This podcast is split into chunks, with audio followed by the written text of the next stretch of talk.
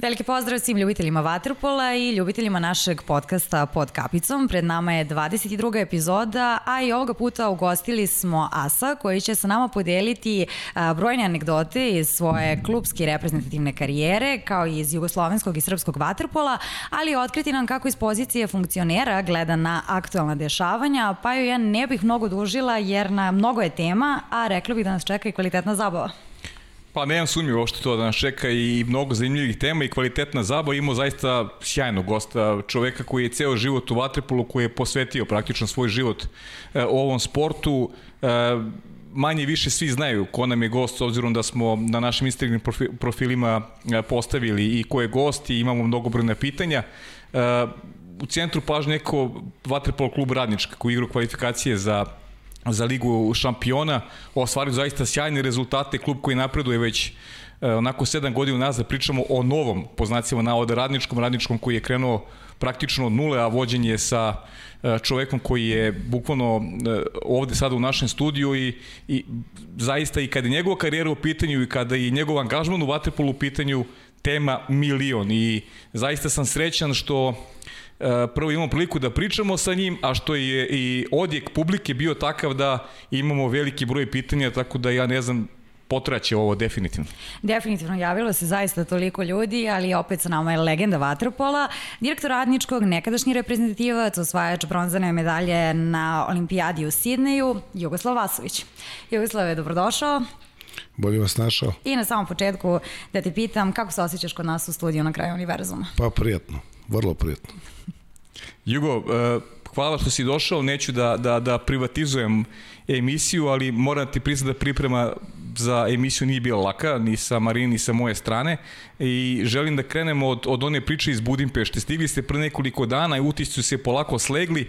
Znam da ste priželjkivali plasnu ligu šampiona, da je to bio cilj, znam koliko si ti ambiciozan kada, kada pričamo o tim sportskim rezultatima, ali e, kaži mi koliko je objektivno nedostajalo da, da dođete do, do, do tog vrhunskog rezultata? Pa, mi smo, kako da kažem, u nekim prognozama i ono mi nismo bili ni, ni u priči. I to je gledano sa strane i ono što i svi znamo, nažalost, danas i kladionici, tako dalje, mi ne da nismo favoriti, mi smo bili planirani za četvrto mesto u grupi, treće mesto u grupi i to nam je kao neki domet. A mi smo otišli tamo da uđemo u Ligu šampiona. Znači, danas mi nismo zadovoljni rezultatski. Ono drugo što igrom stvarno moramo budemo zadovoljni. A, mi smo prvo mlad klub koji je Novajlija i u Evropi i u uopšte u svemu. Igrači su nam uglavnom sem par izuzetaka bez ikakvog iskustva u euro takmiče, pogotovo Ligi šampiona i tako dalje. I realno ovo što smo uradili da kažem da nije neuspeh, ali nikako mi kao klub ne možemo biti zadovoljni s ovim. I mi smo otišli, budemo prvi, nismo bili prvi. I to je najvažnije. Koliko je falilo, fali dosta. Fali, fali još možda pola ili 0,7 nivoa. Mi smo prebacili nivo. U odnosu na pređašnje godine srpski predstavnik nije mogao da igra s ovim ekipama, to je bilo od 5 do 12 razlike, 15 sa, sa svima s kojima smo mi igrali, ali ovaj, to je jedan dobar pokazatelj gde ide srpski vaterpolo u ovom trenutku klubski. Znači, mi se dižemo, mi nismo predstavili samo Kragovac i Radnički, mi smo predstavili državu Srbiju i srpski vaterpolo, klubski. Uh -huh. I to je jako dobro. Jako dobro da sad ne bih da imenujem pojedince u našoj ekipi, ovo to je neki rad koji se radi godinama u, u ovoj državi i postoji jedan ozbiljan napredak i to sam i rekao i tamo odmah posle utakmice, ja sam optimista za dalje, da se nastaje ovako stvarno da imamo ozbiljnu pomoć grada, imamo pomoć države, zahvalni smo svima da sad ne imenujem jednog po jednog trajeće mnogo, i mi jesmo, da kažem, gradski državni klub i tako mora bude, mi smo Kragujevački vaterpolo klub. I s jedne strane ono ponosan sam kako smo izgledali, šta smo uradili i tako dalje, S druge strane, nisam zadovoljan rezultatom jer mi smo došli da uđemo u Ligu šampiona. Kragujevac je svakako postao vaterpolo grad, ali o tome ćemo tek pričati. Spomenuo si i timove, pa bih se nadovezala. Pobedili ste odličnu ekipu Sinteza, špansku terasu, odolili ste favorizovanom domaćinu iz Budimpešte. Ova ekipa nikad nije imala toliko kvalitetnih rivala u nepunih 7 dana. Pa ne, mi nismo nikad igrali te utakmice. Pogotovo na ovaj način da se mi nešto pitamo. Prošle godine smo igrali Eurocup sa Egerom, koji realno nije kategorija ovih ekipa, mi se nismo pitali uopšte. Znači, bili smo dva nivoa ispod. I, i to je najvažnije da se vidi napredak. Uh, sad, ni, nismo mi i srpska škola Vatrpola i jugoslovenska to je jednakost, pošto je Jugoslovenska škola Vatrpola krenula iz Srbije i ta neka disciplina, rad, ovo ono, kod nas se računa samo prvo mesto. Mi ne igramo za medalju, mi igramo za prvo mesto. Pa se desi medalje i tako dalje. I mi nikad nismo zadovoljni posle neke medalje iz te škole, pa onda prođe neko vreme, pa onda dobro, bronza je bronza, srebro, treba biti u dva na svetu ili Evropi, ne, nebitno. Ali je suština da ono što ste me vi pitali za radnički, mi imamo taj neki put, to želimo i mislim da da ima jedan pozitivan trend u celom srpskom klubskom vaterpolnom trenutku i sa Šapcom, Novim Beogradom, Crvenom zvezdom, gde su to vrlo kvalitetne i vrlo dobre ekipe. Nažalost, Partizan je nešto malo, da kažem, mlađi. Nije on slabiji, on je mlađi i treba neko vreme, Partizan će se vratiti, siguran sam. I da podignemo malo i Niš i Novi Sad i Vojvodinu koja je dala mnogo u tamo negde pre nekih deseta godina, jer mi danas u A reprezentaciji imamo sigurno sada ne nabram 4-5 igrača koji su odatle krenuli, tako da to je nešto što mi treba da radimo svi zajedno, a potom u našim ligama da se bijemo između sebe da bi što bolji za, sami za sebe ostvarili rezultat. E, kaži mi, rekao si da, da, da vas drugi nisu očekivali u finalu i da ste bili negde četvrta, peta opcija. Da li imaš utisak da su vas kao neki, ajde da kažem, mlad klub, nepoznat tom, tom evropskom auditoriju, možda malo i pocenili kada ste, kada ste došli Da, apsolutno su nas pocenili. Uh mhm. -huh. Znači, domaćin nas je stavio na subotu veče da bi odmorio pred nedeljno finale. Uh mhm. -huh. I odmorio je? Odmorio je. Odmorio. Evo, odmaraju i danas. Pa, dobro, dobro, i mi odmaramo isto i oni. Tako da neke velike radosti nema. S njima smo igrali nerešeno, da nam je trebala pobeda od tri razlike, bi bi pobedili četiri.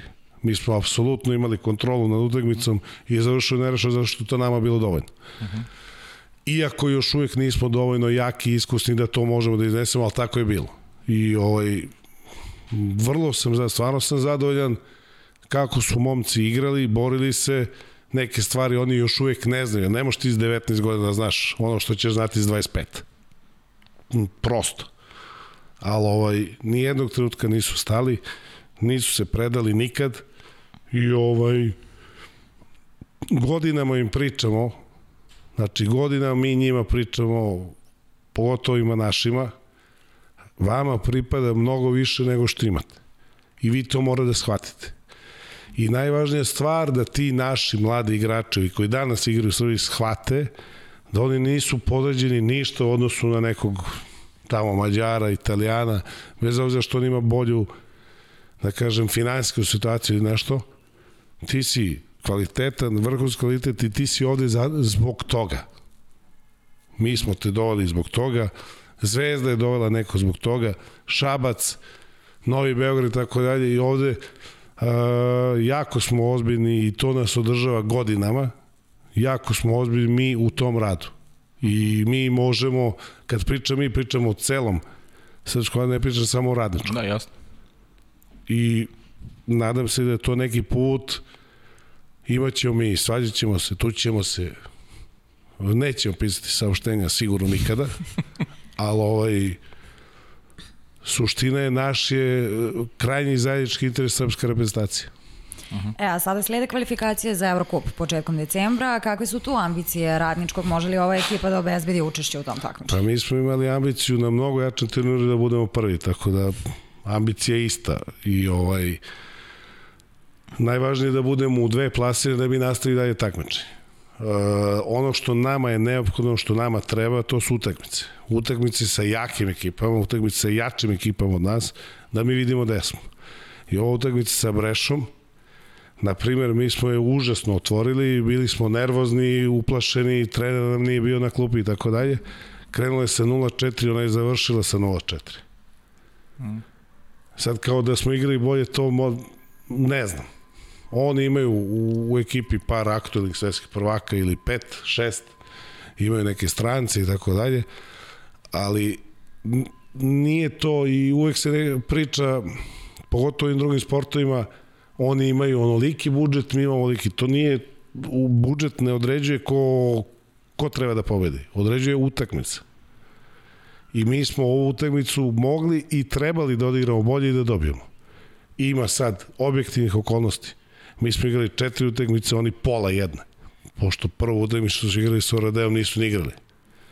18-1, Oradea nije ni, ni dovela sve igrače, su bili... Korona. Tako je, nisu imali negativne nalaze i onda kad su dobili negativne, došli su ljudi bez treninga.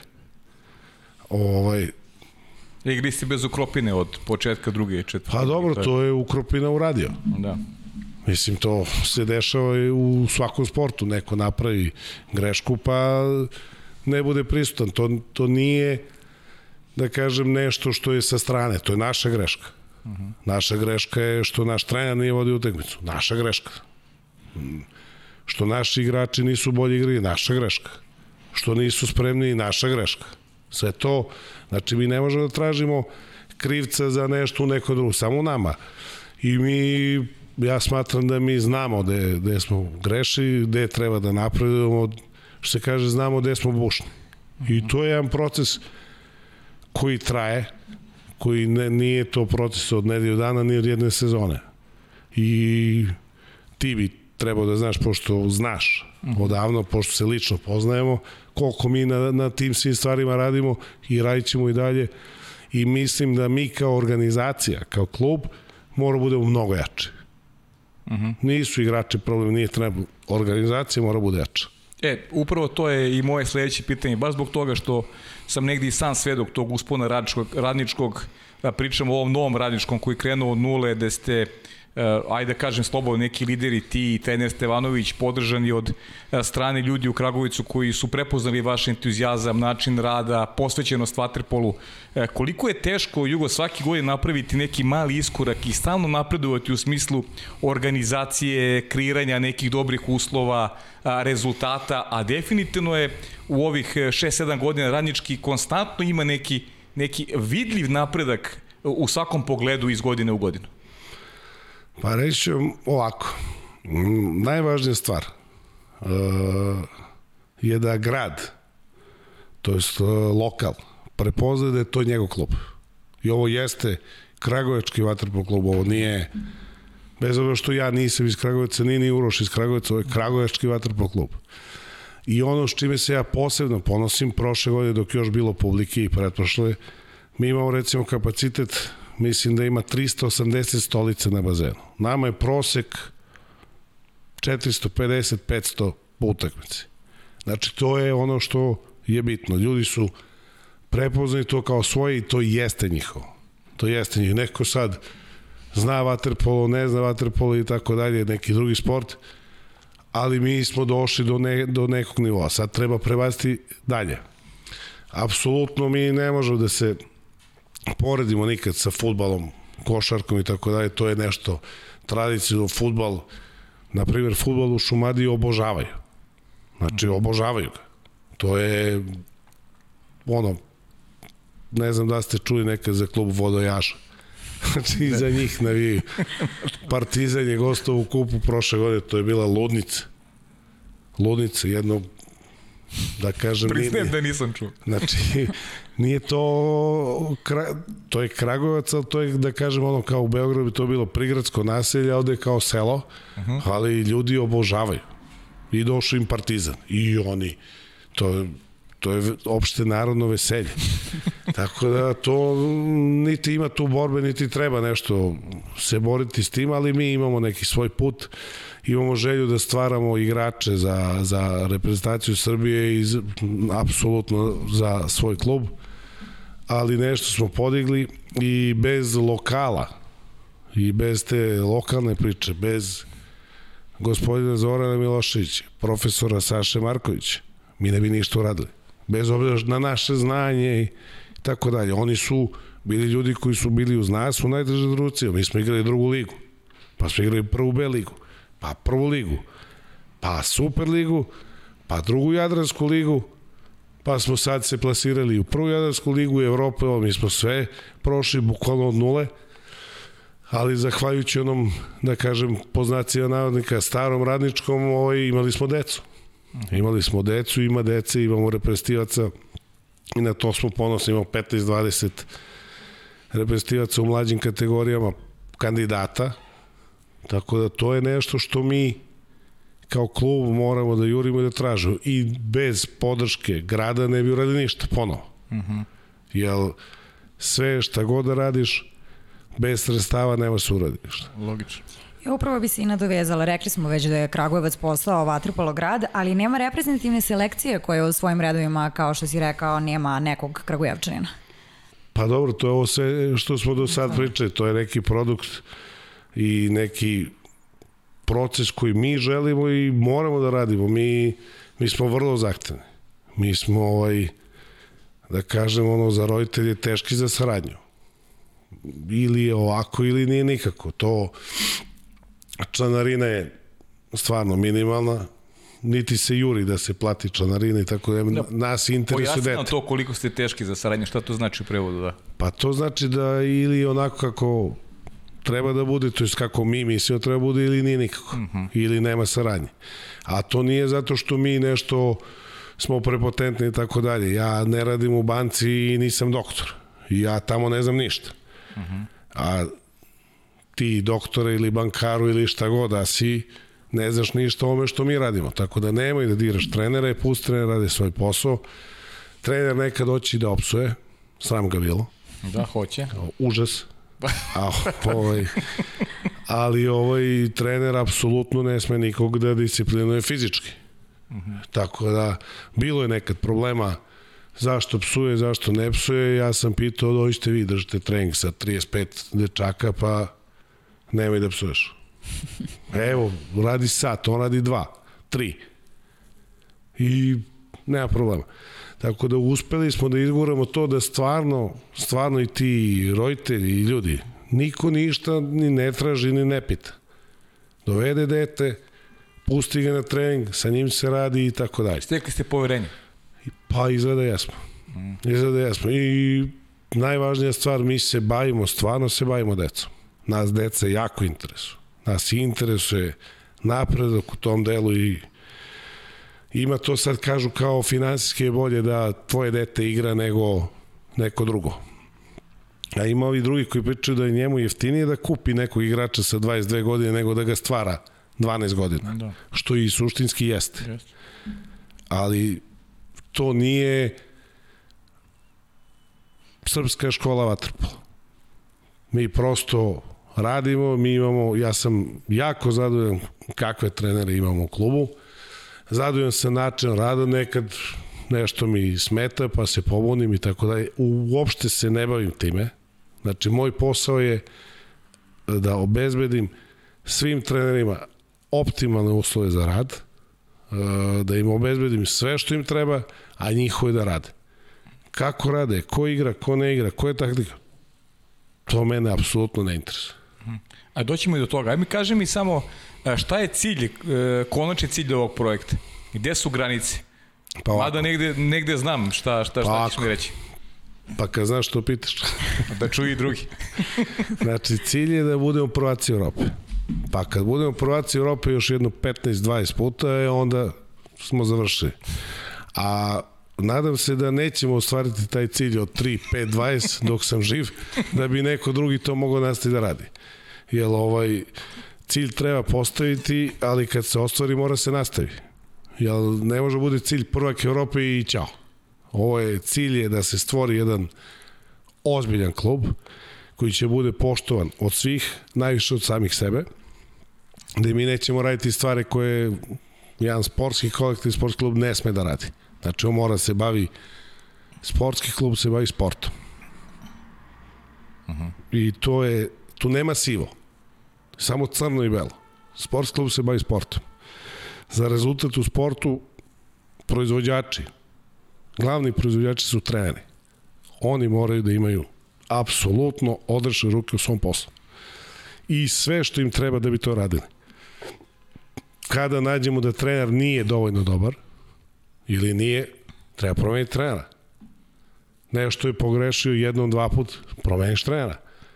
Ali sistem mora da, moramo da napravimo sistem. Mi smo uspeli da napravimo jedan sistem, I sad ono što nam je potrebno, moramo da se izgradimo, da ako slučajno neko od nas, koji smo u sistemu, ne bude tu iz objektivnih ili subjektivnih razloga, sistem mora nastaviti da radi. On ne zavisi od mene, ne zavisi od Stevanovića, ne zavisi od Kozomara, on zavisi od sistema. I to je najvažnija stvar. To je sledeći proces, usput mora da se ojačamo, mora da budemo mnogo jaki, mora da imamo mnogo ljudi. Uh, jedan čovek, tri čoveka, pet, pet ljudi ne može da vodi ni jedan ozbiljan kolektiv uh, nigde. Uh -huh. E, zanimaju me i sponzori. Da li oni imaju potrebu da ulažu u vaš projekat i kako igrate tu važnu utakmicu za stabilno funkcionisanje kluba? Teško pitanje, ali baš teško pitanje. Znači, uh, pošto imam raznih poznastava po Srbiji u, u mnogo sportova. Ovaj, sponzori danas funkcionišu reči. Ovo je sve na nekoj ličnoj bazi. Nažalost, ne postoji e, niko ko kaže ja, meni treba reklama, meni treba marketing, ovo mi je pozitivan marketing, ovo je nešto što ću ja za malo dobijem puno. Uglavnom dobiješ odgovore da njemu ne treba marketing, da on to ima ovako ili onako. I ovaj suština je da o, o sponzori moraju da prepoznaju da to nije samo marketing, da je to društveno odgovorno ulaganje. A, a naše je da mi predstavimo svima da ovo nije samo pošto ja znam, ja, ja potpuno razumem ljude koji imaju uspešne firme i tako dalje, privatne pogotovo, da neće da ulažu, jer imaju jako ružne iskustva.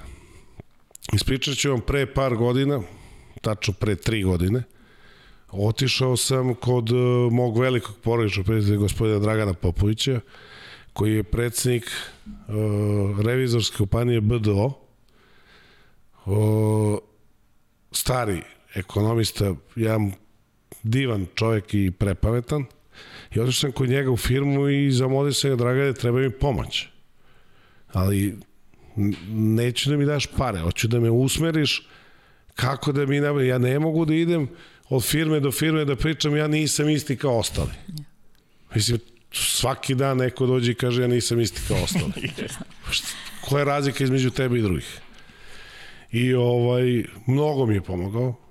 Otvorio mi glavu na drugu stranu, da, da, da shvatim neke stvari i tako dalje i onda u nekim trenucijama posebno teškim trenucima, pogotovo sa gradom, uh, tadašnjem gradonačelniku, gospodinu Radovinu Nikoliću, ja se govorio, ako idi na bazen pa vidi šta radimo i kako radimo. Ja nemam da ti ja sad objašnjavam kako ovo dete radi, dođi pa vidi. I ovaj, suština je da nekako treba razdvojiti to. Uh, u sportu ima te biznis, biznis varijante priča i ima ove druge priče koje po meni još uvek većina u Srbiji gde se radi i bave se ljudi sportom. Bave se decom. Najvažnija stvar, da se klub bavi decom. Ja mom sinu nisam mogao nešto da dam, što mu je dao trener u njegovom klubu. U mene nije hteo da sluša. A slušao je trenera. Ja sam ga maltretirao da pročita neku knjigu. Pričamo, godinu dana. Pričamo o starijem sinu. Tako je. Futbalerčina. Da. I ja molim godinu dana, uzmi, uzmi, svideće ti se, ma kakvi ne pogled. Rekao mu je trener, bilo bi dobro da pročitaš neku knjigu. I on pročita. On pročita knjigu. I to je prosto, to, to stvarno, mi smo svi mladi bili, ja i ti prekjuče, Marina, Nakriče. malo ranije, tako je. ovaj, I imamo tu taj neki otklon prema autoritetu u kući. Jeste. I onda odem tamo, onda mi on kaže nešto, isto što mi ovaj kaže kući, ja njemu verujem, a ocu ne verujem. Da, da. Prosto to je autoritet neki i to je potrebno i uvijek je bilo potrebno i sad to treba se izgradi na nekom nivou jer i sami znamo ovaj kako to danas neke stvari funkcioniše, mnogo se promenilo. Pitanje kakvi bi mi bili da je bilo sve ovo što da. što je ovaj dostupno danas i nama dostupno, ali suštinski najvažnije stvari je rad sa decom, prosperitet dece, jer neće svi biti oni olimpijski šampioni. Neće svi oni biti svetski prvaci. Ali svi mogu postati ljudi. Svi mogu postati dobro usmereni ljudi koji znaju šta rade, šta je grupa, kako se ponaša u grupi i tako dalje. Jugo, i, e, domaća liga odavno nije bila tako interesantna. Četiri kluba koje se bore za titulu, vraćaju se igrači, e, neko utisak je da se pravi dobra baza za budućnost. E, šta uraditi da ovo postane standard, da ne prolazna zanesenost e, svih nas koji volimo vaterpolo, pre svega vas koji ste direktno u, u sportu i, i time se bavite? Što postavite samo teško pitanje, neko lako pitanje, nešto polako. ono kao, znaš, Polako, bit će Još lako, malo i kreće. jel više lako. voliš kafu ili vodu? Pa vodu. Da, vodu, ali moramo malo da se dokvatimo i ovih tema. Pa, vrlo je kompleksno pitanje. Ovaj, da kažem, zadnje dve, tri godine srpski klubski vaterpolo se diže. I to isključivo i jedino zahvaljujući državi. Sviđalo se to nekom ili ne. Znači, jedino država ulaže, država pomaže, država gura na milion načina. Što preko lokalnih samouprava, što direktno država, što kako god. A, suštinski mnogo je važno da mi izgradimo neki sistem. Svaki sistem je dobar i sistem koji ne valja je bolji nego da nema sistema. Uh -huh. a, recimo ja sad, konkretan primer, ja bih volao da mi napravimo uh, dogovor bilo kakav sa bilo kojom televizijom ko će da prenosi vaterpolo non stop. Mislim non stop, svake nedelje. Mi, minimum jednu, dve utakmice. I da uz to ide i, i neka emisija koja radi na tome igrač kola, go kola i tako dalje, na, utakmice na, na kola. pravom si putu. Jesam, fali nam emisija. A to ćemo lako. Znači, fali nam emisija. Dobro, mi, ja moram, sad kad pričamo evo o ono da sport klubu apsolutno zahvalim na svemu. Fantastična saradnja, želja za uh, pomoć, napredak. Uh, razumem da i sport klub negde misli da, da će dobiti nešto, a dobit će. A s druge strane, mi dobijamo nešto što nismo dobili. Sad ove godine imamo dva kluba koji se prenose, sad evo ga i treći. Znači Šabac, Novi Beograd i Radnički, tri od četiri najjače kluba u državi trenutno, su prenosi na sport klubu i to je vrlo, vrlo značajno. A, treba da radimo na marketingu, u smislu da mi nikad ni ne treba da budemo top medijska priča, biznis, futbal. Futbal je jedna svetska stvar, neverovatna. Uh -huh. Mi to ne možemo.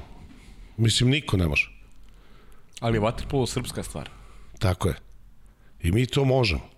Mi, I treba da izguramo.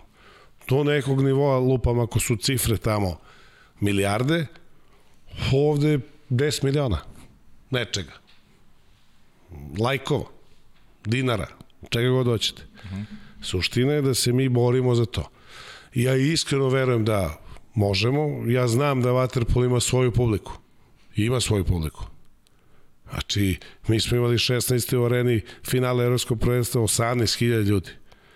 To samo zato što nije bilo 25 uh -huh. mesta. Bi bilo 25.000 ljudi. Tako da on ima svoju publiku. Neka će da bude tako 18, a 3-4 hiljade na takim događajima bez problema. Imali smo pre, prošle godine Svetska liga 2019. da. U Beogradu. Onako u kišu u životu nisam vidio. Niko nije izašao s bazena. Jeste. Pun bazen. Pa to je emocija. To je ljubav. To je ono što nas nosi. Jeste. I mi to dajemo. Nazad. Nekad pobedimo, uglavnom. Nekad ne pobedimo. Ali nikad se ne predajemo. I mi moramo dalje da izgradimo i da dobijemo mogućnost da stvaramo nove neke šampione koji će to da rade i koji shvataju da nije, kako da vam kažem, nisam prepotentan, stvarno nisam. Poznaješ mi ti lično Marina, da. i Marina manje. nisam prepotentan. Ali imamo sistem koji daje rezultat. 40 godina. Mora se modifikuje, nova su vremena i tako dalje. A mi to moramo da nastavimo raditi. Sad ćemo polako da krećemo na malo lakša pitanja, ali ono što me zanima, ciljevi radničkog prošle sezone su osvojili nacionalni kup. Sada, Pa, ciljevi radničkog su uvek najveći, uvek. Ovaj, I sad ovaj, da smo favoriti ili nismo ove godine u domaćoj ligi, realno trebalo bi da jesmo. Možda se nismo najviše pojačali i tako dalje, ali eto, favoriti smo, pošto nam se spočitavalo godinama kako mi se sklanjamo od toga da smo favoriti. Mi stvarno nismo bili favoriti prošle godine ni pretprošle kad smo igrali finale kupa. Nismo bili favoriti. Sada evo može prihvatimo ulogu favorita, ali ovaj nije suština kluba osvajanje trofeja. To mora da dođe po redu. Znači klub ozbiljan, on se ne gasi kad ne osvoji trofej. Klub postoji 100 godina. 500 godina, mi toliko nećemo živjeti klub mora bude klub i da zna gde je pogrešio, šta nije dobro uradio, da ne osvoji nešto. Kada je to realno planirano da se uradi. To je klub. Mi smo klub. Mi idemo na sve trofeje koje igramo. Evo sad igramo umesto Lige šampiona Evrokup, uh, Kup Srbije i prvenstvo Srbije nas apsolutno interesuje jedino prvo mesto u svakom od tih. Sve drugo nije uspeh. Realno, u Eurokupu pre sezone smo planirali ako može da prođemo ovaj krug što sad igramo. I to je minimum. Sve preko tego, toga je, da kažem, ne, neki uspeh. Kup i prvenstvo domaće. Apsolutno, ako nismo prvi, to je neuspeh. To je neuspeh za nas.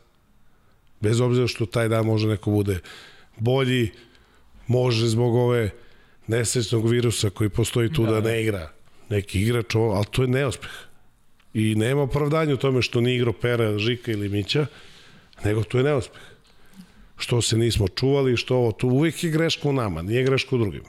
Tako da to, to je nama cilj, da ćemo ga ostvariti, vidjet ćemo. Evo za finale kupa je za mesec i nešto dan. Da, decembar. Kraj decembra. Jugo, posljednja tri trofeja u Srbiji osvojila su braća Vasović. Očekuješ li nove duele sa Ko, Anto i Marko? Anto i Marko, da, tvoji sinovi, ne tvoji sinovi, nego tvoj rođeni brat Anto. S obzirom da je Šabac osvojio dva, radnički prošle godine kup. Neko ste onako na svojim funkcijama i jedan i drugi uspešni. Pa ne bi ja rekao sto osvojila braća. Evo, osvojila po znacima navoda, naravno, Pa, ali tako se mislim, namestilo. Pa eto, namestilo se. Ali ba, baš je tako. Da. Mislim, Ali to je i dokaz nekog vašeg rada. ako bi trebao da pričamo o Anti, treba otvorimo ovde paralel još jednu emisiju. Anto je bio tu na tvom mestu, tako da ne, moraš, ne moramo da otvaramo emisiju. Bio, a nisam gledao. Nisi gledao? Znao sam da je on, pa niste ne, ovaj... Uh, Anto je moj idol. Uh Mhm. -huh. Sin mi se zove Anto, Jasno. pa pričamo dalje. Da. Ovaj, mislim da on previše zna, previše, ali ovaj, imam šta mu kažem, pa to njemu kažem. Dobro, okej. A ovaj, s druge strane, za nas, ja mislim, u stvari znam da ja, ja ovo što radim, radim punim srcem grešaka milijardu, ali ovaj, niko ne ostaje uskraćen. Moja najveća pobeda je uh, jedan period recimo tamo od juna 16. do novembra 17.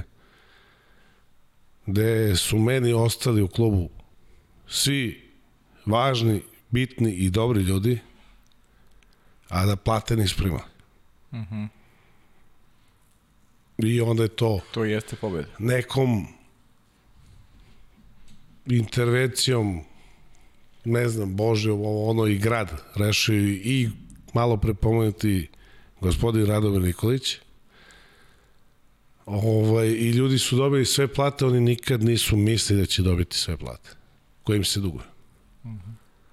I to je jedna ogromna pobeda. Suštinski to su svi ljudi zainteresovani za napredak kluba. Ne za svoj lični interes, oni su bili u klubu zbog kluba, ne zbog sebe. I to je moja najveća pobeda. Ovaj, I do kraja života sam bez rezerve zahvalan svima njima, ja znam koji su sada, ne pominjem, znaju i oni, a mora da pomenem jednu od svih Tijano Đurković, devojka za dvadesetku. Tako da, Pozdrav za Tijanu i sa, pozdrav i sa moje za, strane. pozdrav za Tijanu. Pozdrav za Tijanu i sa moje strane, da. E, a sad kad smo još kod Vasovića, imamo uh -huh. još jednog u redovima radničkog, koji je iz Šapca prešao kod strica. Pa normalno, neće vade kod Ćalete dosta. šta, šta će tamo? Eto, da i njega spomenemo, sa pričom o Anti vratit ćemo te u detinjstvo. Da li baš stariji brat uticao da se opredeliš za vaterpolo? Pa i nije. Ja sam bio toliko mali i glup da nisam znao ništa. Ja sam otišao na bazen 1981. Znači, za godinu dana biće 40 godina da sam na bazenu. Ovaj, slomio sam nogu. Kod babe u Trogiru. Ovaj, slomio sam nogu i pošto sam bio jako mirno dete, kad se došao u Beograd, taj gips koji je bio do ono preko kolena, taj gips je bio ceo izmrljen. Onda sam otišao i recimo dete ti godine nosi gips lupom sad dve nedelje, ja sam nosio to pet nedelja, jer su mi na VMA ponovo stavili novi gips i kad sam skinuo gips i ta noga mi dan danas stanja. Kad sam skinuo gips, ovaj doktor rekao bilo bi dobro da plivaš. I mene su ozeli na bazen, brat je trenirao, ali mene su ozeli na bazen i ja sam dobre tri godine tamo gubio vreme i maltretirao prepoštene ove ljudi i trenere, jer sam bio baš miran ovako. I o, o, ovaj, otišao sam, zašto sam z Banjice, na Banjici je bazen, o, kad sam kasnio na trening, trčao sam za dva minuta, može se stigne do, do bazena. E, a sad kad pričamo o Antu, uh, mogli bi da vidimo nešto prvo. Ajde. Burazeru, čao. Pozdrav svima u studiju. Moje pitanje je, prvo želim da čestitam za, na dobrim partijama u kvalifikacijama za Ligu šampiona i da poželim uh, više sreće u nastavku u, u Len Kupu i da te pitam da znam da mnogo voliš vaterpolo, a da li bi da se ponovo rodiš te bavio se istim sportom ili sa nekim drugim? Ćao svima. Pa ovo je lako pitanje. Lako, pa, za, pa, mislim, pa, pa brate najbolje poznaje. Pa. Najbolje ti, on Ovo postaje je lako, lako pitanje. Apsolutno da. Uh Mhm. -huh. Znači, e, radio sam milijardu gluposti, par dobrih stvari i ovaj, da se ponovo rodim, sve bi isto uradio, možda bi promenio jednu, dve stvari na koje stvarno sam ljut na sebe i nisam zadovoljan sa sobom kako sam to radio, ali bio sam mlad i glup. Ćeš da podeliš to s nama ili nećeš? Pa mislim da će to doći na red. A doći na red. Mislim da će doći ja na red. mislim da hoće, ajde. Ali ovaj, suštinski, ovaj, svi stalno pričaju, ne znam, ne sad o, o Waterpolu ovo kod vas ovoj vašoj predivnoj emisiji, uh -huh. nego pričaju ljudi kao da sam radio nešto drugo i ovo ono, ne znam, ja sam dao, mislim, ja sam dao celog sebe, ali ja sam dobio mnogo. Ja sam toliko dobio od vaterpola. Sve ne može niko da mi, da mi plati, vrati. U parama to ne može se meri. Da. Znači, mislim, ja sam taj. Takav tip. Ništa mi drugo nije važno, važno mi je to. Uh, moj jedan od najboljih prijatelja u životu koji imam je Vjeko Sakovešćak, dečko iz Zagreba koji danas trener Dobrovačkog juga. Biće tu na tvom mestu, nadam se da će se ukazati. Naravno da će biti, ali to je meni vaterpolo dao. Da. I milijardu nekih prijatelja, drugova i tako dalje. Neki veći, neki manji, nebitno. To je meni vaterpolo dao. Uh -huh. To meni nije ovaj pokojni nedeljko dao. Dao mi je vaterpolo. Da, da. Pričamo o ocu. Tako je. Hoćemo da se malo bavimo sada Partizanom, Banjicom. Tako je. Banjica, Partizan, Deki Savica kojim si odrastao, sadašnji selektor Srbije. Vaterpolo ste voleli, drugačije je bilo odrastanje, odnosno današnje vreme, po ceo dan igra, ne samo kada je Vaterpolo u pitanju. Kako je izgledalo u to vreme e, druženje, bavljenje sportom, drugačije u odnosu na, na, na ovaj period sada, sigurno? Pa ova deca danas imaju mobilne. I on im rešava milion nekih praznih trenutaka i ovo. Ovo deca, ovde misliš? Tako je. A mi nismo imali mobilne. Ima i ti si, da. Mi nismo imali mobilne. Nismo, realno. Mi smo igrali basket, klikere. Mi smo imali samo fiksni. Pa kakav fiksni, nisam dva puta u životu javio na fiksni. Nisam bio kući nikad. Dođem kući uveče, o, kao mora dođeš do 9. I ja dođem do 9 da me ovaj zastavnik ne bi. I ja dođem do 9 i plačem, ja kažem nikad nisam bio napolje. Mislim, mi smo živeli na igralištu. Jeste. Znaš, ovaj, druga priča, a, želeli smo mnogo, a, nekako se i nama pogodilo celo toj mojoj generaciji i Deki i još dosta igrača i Nikola Kuljača i tako dalje da sad ne nabravim, neko ću zaboravim sigurno. Dobro. Ovaj, mi smo nekako uleteli u momentu kad je Partizan bio naj, najbolje našpanovan na, na rad. I bio je Vlah Holić, apsolutno kapa dole za, za sve. I ovo je bio Nikola Stamenić u klubu. Mislim, to je nešto što Esen, opet esencija vaterpola. Ma ne može to niko da. To je još taj spoj. Uh. -huh. Nikola i Bata. To je nešto stvarno pogotovo danas iz ove moje perspektive. Kad bi to mogo da napravim, fantazija. A to je to vreme. To je to vreme.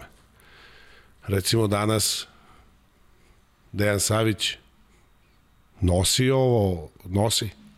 Ima ovo trenersko udruženje, nosi, bori se, trudi se, radi i bez takih stvari, bez entuzijazma i, i svega to, ne može ništa se uradi. I mora da bude taj neki prazan prostor, što sam pričao malo pre za Tijanu Đurković i za sve ljude u klubu. Znači, mora da bude entuzijazam. Mora da imaš želju. Ne možeš ti meni da kažeš a, to sam sretao u Italiji kad se igrao devojka koja radi u klubu, ne znam, na financijama, ona ne dođe na utakmicu subotu. Pa kao radim 5 dana sad, još i subotu da radim. Da, još da gledam utakmicu. Još da gledam utakmicu. Da, mnogo je. Much.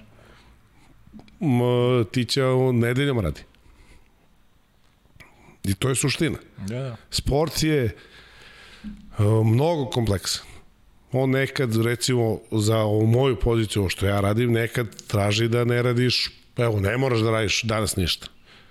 A nekad traži da radiš 24, 48 sati. Vrlo je kompleksan. I mora da ti je to važno.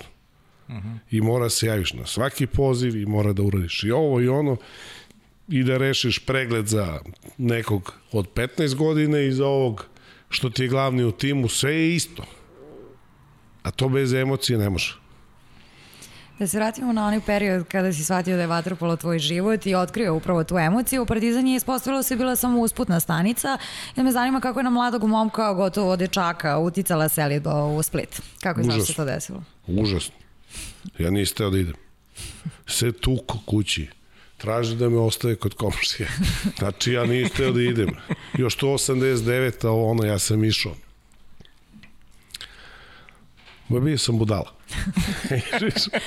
Iš sam svuda i o protesti ono ispred Savezne skupštine Slobo Srbine, Srbije usteve. Znaš, posle pet godina sam rekao, majmune, šta si radio, znaš? Ali ovaj, suština je da, ono, ja nisam teo da ode dole nikako. A majka mi iz Trogira, Trogir je 27 km od Splita, da. i o, imam i rodbinu, neću idem dole. To i uh, naša Aleksandra ti pitala da li su ti omiljeni odmori u Trogiru i dalje. ne kaže se Trogiru, nego Trogiru. Pa to, u to vreme. Da. To. Pa, moji odmori u Trogiru su završili negde u desetoj godini. Tako da se ni ne sjećam. znači, kad sam počeo ozbiljno, malo ozbiljnije trenira, više nije bilo odmora. Nema, nema, nema mora, nema ništa. Imam banjicu dva otvorena bazena. Fantazija. Završim trening od 8 do 10, imam pauzu do 11, pa od 11 do pola 1 imamo još jedan trening. A između ta dva treninga mi smo na bazenu, pa završimo ovaj drugi trening, pa ostajemo na bazenu. To je ovo što je Deki pričao. Ovaj, mislim, drugo vreme, druga priča ali ovo što si me pitala za odlazak u Split, nikako nisam teo da idem, baš sam se borio, još sam nešto tad bio nešto zaljubljen. Ono, osmi razred klinac, glupander. I ovaj, odvedu me dole na silu, počne ovo što je počelo 91. Užas ovaj, ovo što su nas unazadili sve zajedno, ja neću se vratim nazad. Pa ja sam sad u Splitu, ja tamo imam prijatelje, tamo imam drugo i opet ima neko neka ljubav, jel? Opet si zaljubio. Pa, zaljubio sam prirode. Da, da. Emotivno dostupan. I ovaj, i ja bi sad da ostajem dole. Znaš, i nisam ostao evo ovoliko, ovoliko, otac, Moj otac nikad nije plakao.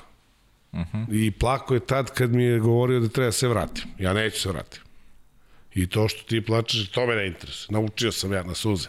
Već imam 17 godina, sve ja znam. Ali ovaj, imao sam jednu o, odvrtnu situaciju s Splitu rekao se vidim. Ne bi da pričam o tome, to je baš okay, ružno, okay. a ne bi da pričam o tome zbog stvarno ja i tamo dan danas ima ljudi koji mnogo volim.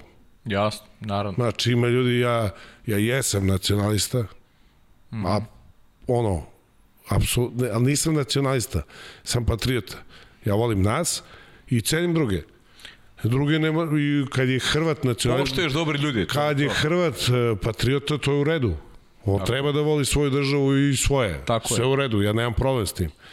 Ali ovaj, e, ima dole imam ljude koji su mi dragi, koje volim i ne bi njih da vređam s tom nekom pričom, ali nešto se desilo, bilo mi baš ružno i rekao, meni ovde mesto nije. Mm. Evo da tu preskočimo pa da se vratimo mm -hmm. u mhm. Beograd i to u Crvenu zvezdu. E, moćan tim u to vreme i veliki benefit za mladog igrača da stasa u društvu moćnih vaterpolista. Pa ne, ja sam došao u zvezdu samo zbog Stameća. Ali apsolutno jedino zbog Stameća. I naravno bio i odlično. Da, da. Znači, ova win-win kombinacija ne može da pogreš.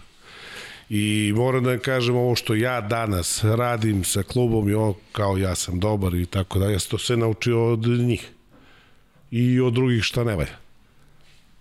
Znači, ja sam došao isključio jedino zbog Nikole Stavić koji je bio trajan. Zvezda je dala neku ponudu, naravno to Zvezda nikad nije ispoštovala i tako dalje, ali ne da mi je bilo drago što sam bio član toga, ponosan što sam bio deo uh, Crvena zvezda prvi put u istoriji uzela titulu. I ovaj tu igra Igor, Igor Milanović, Igor Milanović koji je svima nama bio idol u svemu. I ako danas nešto kod nas ne valja, Igor je kriv. Mhm. -huh. Ti si kriv. ne, stvarno. Ovaj, igraš sa takim igračem koji je ono možda pričamo sad o nekim stvarima kao ne, da prenese na futbol, to je najlakše se razume, kao Cristiano Ronaldo. Pa on je Više ono, toga, egocentrik i tako. Igor, Igor nikad nije ekipu prodao. Uvek je skakao, igro odbrano ozbiljno, trudio se svuda. Tako da ima verovatno ima neke stvari s kojima se konkretno Igor i ja ne slažemo, ali bez premca da ja sa nekih nepunih 18 godina igram sa Milanovićem u ekipi i još gomilom ljudi ponovo da ne nabrajem, da ne bi nekog izostavila ipak oprostit će mi svi, ili Igor Igor. -hmm. Ovaj, velika stvar. I još mi Nikola trener, Vlaholić je ne, u klubu neki šta je on tad bio, da je bio sportski direktor, ne, ne, ne znam, ali suštinski najvažnija stvar, toliko toga naučiš svaki dan. To ne, nema, nema cenu. Hmm. Ja sam ovaj, pričali smo ti ja to, to i ranije, kada govorimo o Nikoli Stameniću, bilo je to neki pokušaj da se aktivira. Ja bih jako volao da jednog dana doživimo Marina i ja da nam Nikola Stamenić sedi ovako u, u emisiji da pričamo o Vatepolu Nikola Stamenić koji se malo koji se malo povukao. Znam da je Vlaho Orlić, Orlić lično dolazio po tebe da te dovede u, u Crvenu zvezdu. Ti si svoje vremeno izjavio da je da je Vlaho Orlić Vlaho Orlić izgradio sistem u u jugoslovenskom vaterpolu i da je sve što su u suštini oni napravili da je to neko nasleđe kojim se i vi mlađi sada mlađi sada rukovodite. Pa kad studiraš nešto imaš nekog profesora i on te uči. Oni su nama bili profesori. Vlah Holić u jednom delu, Nikola u drugom delu. I oni su to radili fantastično. Recimo ja imam, ja lično imam problem, ja to stalno pričam ovim, da kažem, sada našim perjanicama trenerskim, uh -huh. ovaj, vi nemate pravo, a nemaš pravo, ti jedan dan da se naljutiš i da kažeš ja neću više da radim. Jer tebi ovaj sport i ovaj klub i ova država i taj savez dao nešto. Nešto. Malo ili puno nije bitno. Tvoja je obaveza da mi to vratiš. To mi vraćaš kroz decu. Ti to moraš da radiš. Ovaj, zato ovo malo pre što sam pričao, Dejan Savić, znači on je prvi koji vuče ovo udruženje tre, Vaterpolo trenera Srbije, koji radi mnogo dobre i mnogo ozbiljne stvari gde oni školuju trenere, da rade seminare, da dovode ozbiljne ljude da im drže predavanja. Znači, to je, uh, mi negde, ima jedan deo gde mi loše radimo. -huh. Ima jedan deo gde loše radimo. Oni su to locirali i pokušavaju to da isprave, da naprave, da budemo bolji. Jer nama je potreba da budemo bolji. Tako i ovo sa, sa konkretno sa Nikolom Stamićem, ja, mi smo probali da napravimo saradnju, ne može, ovaj, u redu je. Neću, sve u redu. Ali mislim da mislim da niko nema pravo da zaboravi ono što je dobio. Mhm. Uh -huh bez ovo šta sam dao. Ja sam dobio. Znači, nemam pravo da zaboravim. Nemam pravo da kažem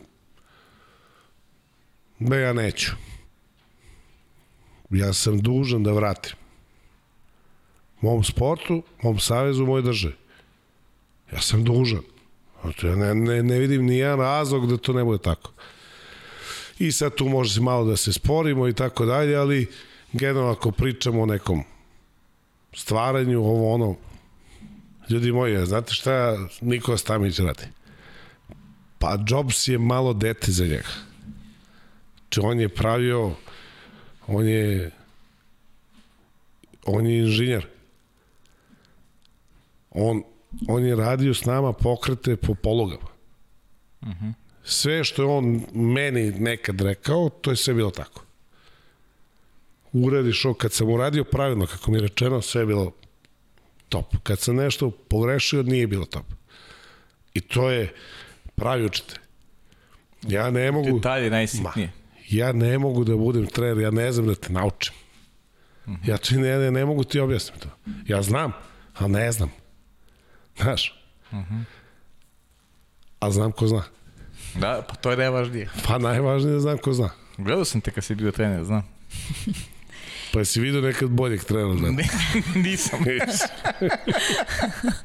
A i o tome ćemo pričati. Kasnije. Ja ću morati malo da ti još zadržim na zvezdi i to ne zato što sam zvezdaš, ali ovaj, prvu titulu si tada osvojio, igrao si pred punim tribinama, šta najviše pamtiš iz tog perioda? Izvini Marina. Zvezda je osvojila prvu titulu, a ja drugu. Drugu? Da, pa imao sam već... Op, izvini. Već imao, da. hoće ovo ponovno snimamo ili... Ne, ne, idemo dalje. Ma ja, Znači imao sam već 17 godina. I osvojio Već. sam drugu. Već. A prvu sam osvojio sa Jadranom Splitskim. Tako Da, da, ti si, ti si igrao za prvi tim Jadrana, da, u to vreme još, kad si bio, kad si bio klinac, da. To smo preskočili i, malo. i igrao sam, naravno, naravno da ste preskočili. da. Ali ovaj, ovo za zvezdu, mislim, mnogo, kako da ne budem vulgaran da kažem, mnogo jaka emocija. Mnogo jaka emocija. Mnogo, prejaka emocija. Prepono sam presrećan, presrećan sam što sam bio u Zvezdi. Što sam na kraju i završio karijeru u Zvezdi.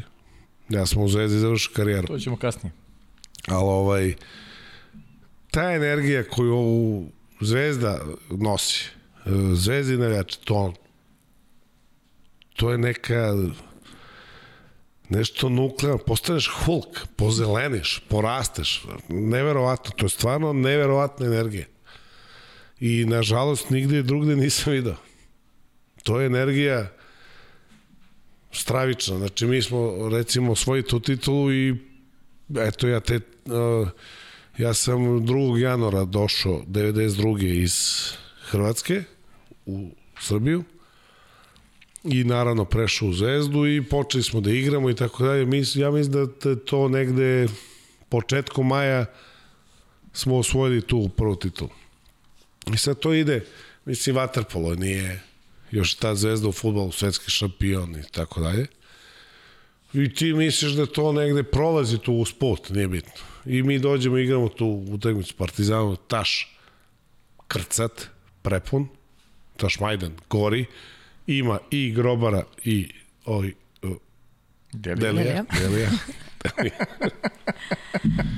e, moj konfučije, oprosti. Ovaj, I grobara i Delija. Znači, pa nije pola pola, malo više ima Delija, ali o. I fantastična atmosfera, sve naravno. Mi smo povedali, ja mislim, 17-9, tu mislim 17-9. I ovaj, ova grobarska tribina bila malo praznija na kraju. I završi se utakmica i čovek na deseci na, na ovom skakonici pali baklju i skače u bazen. I proleće ovoliko od gola. Da se svi uvate za glavu kao i gotov je. O, šuf, proleteo. A, a to je bila prva, a ova druga, 93. je bila još lepša. Još lepša. Znači, i da kažem, kao neko ko nikad nije bio nikad nisam bio navijač Crvene zvezde. Nisam, ne, mislim, kućno vaspitanje. Da. Ali ovaj, prepuno sam presjećan što sam što mi je život podario to da to bude deo mene, jer ja sam, ponavljam, uh, najviše od svega volim Srbiju, srpski sam, nisam nacionalista, ne mrzim nikog, ne, nemam problem ni sa kim. Volim sve ljude. Ovo najviše volim svoju državu i tako dalje. I ovaj, baš mi je drago što sam imao sreću, sreću da igram za zvezdu. I tu emociju koju ti ljudi nose, to nije realno. Znam. Nije realno. Ne znaš. Ne, Ne znaš. Ne znaš. Ovaj, imaš kratak period, e, vraćaš se na kratko na, na more i ideš u Budvu posle toga. Igrao si i tu sa, sa, sa rođenim bratom takođe. U... Šušte ove slušalice. Šušte ti Nisam bio tamo. Nisi bio tamo, a? Ne, to, to se ne računa. Ne, a? Ne, Taj period ne priznaješ baš mnogo. nikako. Što ima neki razlog poseban ili... Nije ti baš prijelo, a? Pa ne mogu da budem iskren i da svojim rečima kažem ono šta je bilo tamo. A, Pa pokušaj da ublažiš onda. ne znam. ne znam da ublažiš. Znači, ne znam, mislim, to ja sam to izbrisao. Znači, kod mene to, mm -hmm. sad kad bi ja čitao, to je sezona 9-4-9-5, da. da. Da. I ovaj, crnim masnim prebrisano, okej, pa dobro, nećemo... ni do- ništa, kako da kažem, Nemaš uspo, ne, nemaš emociju prema tome, dobro. Ma ne da nemam emociju, imam ružnu emociju. Okej. Ja ružnu emociju ljudi uh, ono iz ovog rukovodstva koji su nas i doveli tamo, to jest, on, znaš kad te dovode, oni, to su bajke. Uh -huh. Mislim, to je stvarno sramota za čoveka. Čovek od čoveka. Da, da, ja. Sve, sve u redu, ali ljudski sramota, tako da ne bi da pričamo o njima. Ovoj Budvi danas koja postoji, želim im sve najbolje. To nema veze sa tim. Nažalost, rekao bi ti mnogo više, a ti ljudi nisu živi. Onda je glupo da pričamo to. Slažem se, idemo dalje onda. Ajmo onda na Beči. Da li je to najljepši period tvoje karijere? Pa, jeste i nije, jeste. Jeste, to je, mislim, Beše je jedno divno iskustvo. Bače. Ja sam tamo igrao šest godina, a imao sam tamo kuću još 12 godina posle nego što sam završio da igram za Beče. Mnogo volim Bečej. Volim da odem u Bečej danas. O, I tamo imam i kumove i prijatelje do kraja života. Ovaj, klub ko klub, tu sam najviše naučio klubu. Ovaj, šta treba i šta ne treba nažalost nije bio na nivou ekipe koju ima. A to, to je možda sam ja evo, nešto ono prepotenta i tako dalje. To je jedna od najboljih ekipa koja je ikad postala. Ekipa, timova. Znači, to je bilo od 1 do 15, 16 sve top igrači. I to je velika redkost. Reko godinama nešto radi, pokušao, nemaš dovati to. Nemaš dobaci. A to je prosto zato što smo mi tad bili Srbija i Crna Gora. I ovaj sad od domaćih igrača ti imaš 10 top igrača bez problema. Dva stranca i ti si mnogo, i tri i četiri juniora, prejaka ekipa. I ovaj, žao mi je, mislim da je mi kao ekipa, mi kao igrači smo podbacili, osvojili smo jedan, ovaj, jednu ligu šampiona, trebali smo bar tri. Možda nismo bili zreli, možda nešto ono e, ne tražim krivicu drugome, tražim u nama i u sebi i nismo, a s druge strane šest duplih kruna plus jedna liga šampiona u Evropi u tih šest godina što smo bili na okupu ili pet, pet godina koliko smo bili na okupu u Evropi, ne znam, 52 utakmice mi smo izgubili jednu kući jednu kući. Znači, ozbiljna stvar. Ozbiljna, pritom bili smo klinci. Taman tu mogu i da pitam što je Aleksandra rekla za da li, je, da li si 999. a, srebrnu medalju osvojenu Napolju bacio u bazen i da li je najteži poraz od Juga 2001. Uh, na sve odgovor da. Ovo sam bacio u bazen, nije bilo ništa dalje da se baci. A I, ovo, I to me je sramota ozbiljna. O, baš me sramota. E, to se ne radi, to je ružno, to je nesportski, tako ja sam sportista. E, ne bih nikada radio nešto što je nesportski u svrhu rezultata. Iako mnoge poznajem koji bi to uradili. Ja ne bi. Ali ovo je posle utakmice i ja sam bio ljut na sebe.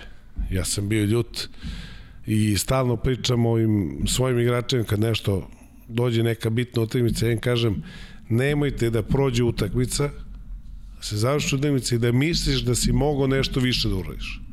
Onda nisi igrao. Znači ti izađeš na utakmicu i daš sve od sebe i kad izgubiš kažeš pa on je jači, on je bolji. A kad završi utakmice, kažeš, pa možda sam mogao ovo ili ono, nisi igrao. I tu utakmicu ja sam ljut na sebe. Koliko sam upravo, koliko nisam, ne znam. Bacio sam je, ovaj, baš mi je krivo što sam to uradio. Ovaj, sutra mi daju ponovo bi bacio. A, Ali ti je vraćao, jedan dobio saigrač, da, jedan saigrač mi je vratio, on je skočio u bazen i donao mi je. I kao nije u redu, ja kažem, pravo si, nije u redu, ali mislim, ja sam budala, to sam ja. Ali onda sam ja tu medalju poklonio klubu. Ja tu medalju nemam. Ponovo bi bacio. Ja je ne zaslužujem, Ni, nisam je zaslužio. A pritom ono, s početka, ja ne igram za srebro i niko od nas nikad ne igra za srebro, nikad. Uh -huh. Igramo za zlato. Samo zlato. Svaki gost koji ti bio ovde je tako naučen. Svaki do koja smo mi, 22. emisija. Da, znam. 22. Hvala što sam ja 22.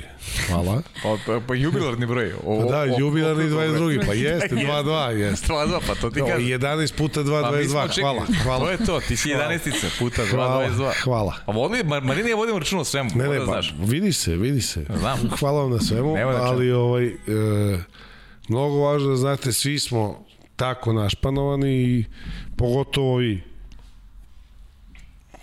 Da ne delim generacije, ali ispod 80-og. To je jednostavno ta priča. Jesi prvi ili, ili nisi igrao. Uh -huh. I, ovaj, I to što sam bacio medalju, sramota me dan danas, sramota i rado bi to promenio, ali ne mogu. Ili ponovio. Pa ponovno. Sada mi je daš bacio bi opet. Mislim, nis, nije meni niko kriv, ja sam kriv. Ne, ne, to je suština, da, da. Ja, Ja sam ti, pogrešio. Ti tražiš, tražiš krivce u sebi uvek. Moje i ja bi da mogu pojeo bi, a nisam mogao je pojedem pa se je bacio. I mislim, sramota me, ali nadam se da će biti još stvari još će biti sramota. pa ćemo da Šta je rešimo. beše ovo drugo? Jug, šta se... E, da, poraz od juga. Da li najteži? Najteži. Najteži. Najteži ikad. Najteži a najteži zbog toga što smo došli, inače da vam kažem, ja smrat, smatram Jug za najbolji klub na svetu. I Jug je nešto što mi kao radnici želimo da dostignemo. To je preozbiljna organizacija, bave se svojim sportom, rade kako treba i tako dalje. Te 2001. godine mi smo došli dole na Final Four, još uvijek je bio gruž otvoren, nije bio sređen. I mi smo izašli na zagrevanje i oni su pustili onu čuvenu pesmu Čavoglave. Od ovog indijanca. Ne zove ovog indijanca. Jeste. Nije ni bitno. Ne protiv. Indijanac. Indijanac. Dobro. Čovjek indijanac. ovaj, I pusti tu pesmu i oni svi tu pe, 5000 ljudi peva tu neku ustašku pesmu i ovaj i meni se digne ovaj inat do nivoa da ne znam, ja bi sad ne znam šta smijem se svima ovo rekao sam malo pre, jesam ovo nacionalista, ne mrzim nikoga i poštujem njihovo to da budu nacionalisti. Ali ovo mi je malo vređenje. Ovo je malo preterano. Malo mislim, znate šta, to je neka istorija, neko učio, neko nije. Pa mi svi sve znamo, znaju i ono. I sad to ide da vređe na taj nivo. Ovo što mi jebu mater i to, to mi nije problem nikakav. To, sam, to što sam peder i to mi nije problem. Ali ovo mi je problem. I baš sam ovaj, zacito ovo mora, ovo mora da pobedimo. Ovo pobedimo danas i nikad više ništa ne mora pobedimo. I desi se da ne pobedimo. I baš mi je težak poraz. Mnogo mi je težak poraz. Ovaj, I to nema veze sa ekipom Juga koja je igrala. Koja je igrala odličan vaterpolo, snimila odlično nas, odri, sve, znači ovo sve što pričam, nema veze sa njima. Ima veze sa tribinom toliko mi je bilo važno da ih tu sad mi pobedimo u, u toj nekoj atmosferi koja je ono kao polu linč, ali nije. Ja ne bi oni, nije. Ali je ružno. Godinu dana pre toga mi smo igrali u, u Beču, bio Final Four. Bile su dve hrvatske ekipe, Splitska banka i Mladost. Oni kad su imali trening, njima su puštali muziku Olivera Dragovića. Mi smo otišli dole na utakmicu, pred utakmicu puštaju mi Čavoglave. Bešte Srbi preko Drine. Sad hoću te pobedim. Me to ne plaši. Ništa, samo sad hoću te pobedim. I to mi je najteži poraz zbog toga, a ne... Da, da. I, i nije ni, ni, ni, ni čak ni nacionalno. Nije, nije, nije nacionalno, nego to je sad ćeš ti mene da nešto provociraš, e sad ćeš da vidiš. Nažalost nismo uspeli i zato mi je to najveći poraz. Ćemo pređemo na Grčku. Ajde, možemo da krenemo, da, može. Ajde. Lukaniko? Da. Idemo, a? Ćemo posle. Ajde, posle Bečeja si promenio dosta klubova iz zemalja, pa da krenemo eto od Grčke. Šta vas interesuje za Grčku? Kako si se tamo Lepa proveo? zemlja, sunce, ono. Uspeo sam ovaj, da uvedem i sneg u Atinu. Kako? Padao sneg, a? Padao sneg. Stvarno? I to si doživeo. Padao sneg. brate. Znači, tamo nije padao sneg 40 godina, na glifadi pao sneg. Ne možda otputujemo ovo, ono, kažu šta se desio. Ja kažem, pa ljudi, ja sam došao. znači, nemoj brinete, pokvarit ću vam vreme koliko hoćete put. Bilo mi super u, u Atini. Uh -huh. Evi što sam mogao ti donesem. Ovaj, tamo mi se desila jedna od e, pa ne jedna od, nego najveća počast koju sam u životu dobio. Oni tamo negde februar, mart im je dan kluba. Uh -huh. I meni trener kaže, kaže do, dođi, ovaj, dođi s porodicom na tu neku proslavu ovo. Ja kao, pa šta će s porodicom dođem, mislim, ovo grčko, ni, grčki niko ne besedi, šta ćemo tu? Ovo. Ne, ne, ne, kao obavezno dođi s porodicom, dođi s porodicom, dođi s porodicom. Ja dođem s porodicom, znači to je 2002. neki mart, avgust, šta li? I sad oni tamo to, to je sportsko društvo. Oni imaju košarku, atletiku. Atletiko su omilo Spaljo Falero. Uh -huh. Tako se zove klub. Ja sam za njih igru u Grčkoj, jednu godinu. I čovjek vamo tamo podaje neka priznanja i meni daju pehar. Daju mi pehar i na srpskom priče piše na, na peharu, lep pehar, piše na srpskom a, velikom igraču još većim čoveku. Znaš, ja se ne verujem šta se dobije, ja sam tu četiri meseca, pet meseci, nisam ja tu ceo život da mi neko da neko priznanje. Mm. Ali oni ljudi su bili onaj klub lift. Prva liga, druga liga, prva liga, druga liga, znaš. Je, tu su već obezbedili da ostanu. I kao ja sam nešto igrao dobro. Pa i nisam. Ali ovaj, mnogo me to, što bi rekli naše braće, dojmilo. Da, da, da. Baš me, znaš, ono, Ostajalo utisak jak. stravičan. Mm. Stravičan utisak.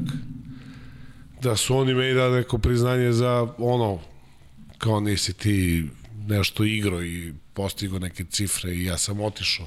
Jednu godinu sam samo igrao za njih, ali sam dobio priznanje kao da sam ja neki dobar čovjek.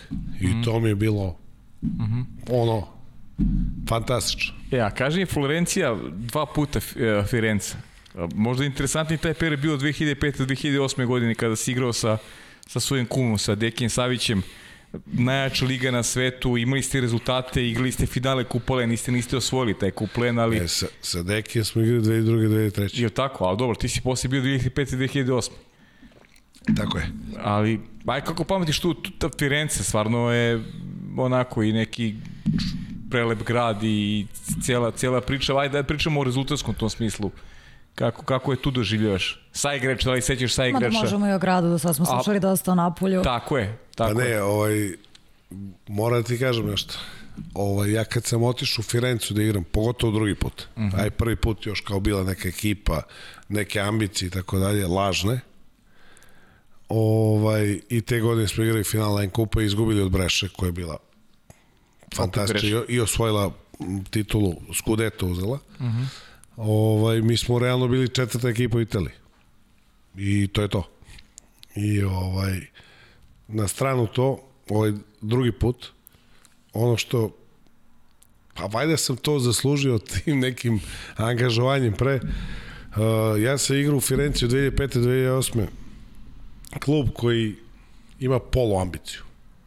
Znači, mm -hmm. da ne ide dole, ali ni puno gore. Da, da.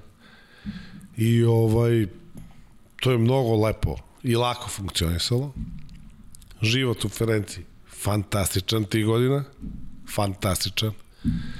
Ovo imao sam mnogo dobru ekipu, između ostalih igrao Kozmi Radu, koji je jedan preozbiljan igrač. Igra, preozbiljan igra igrač. i danas. Igra i danas.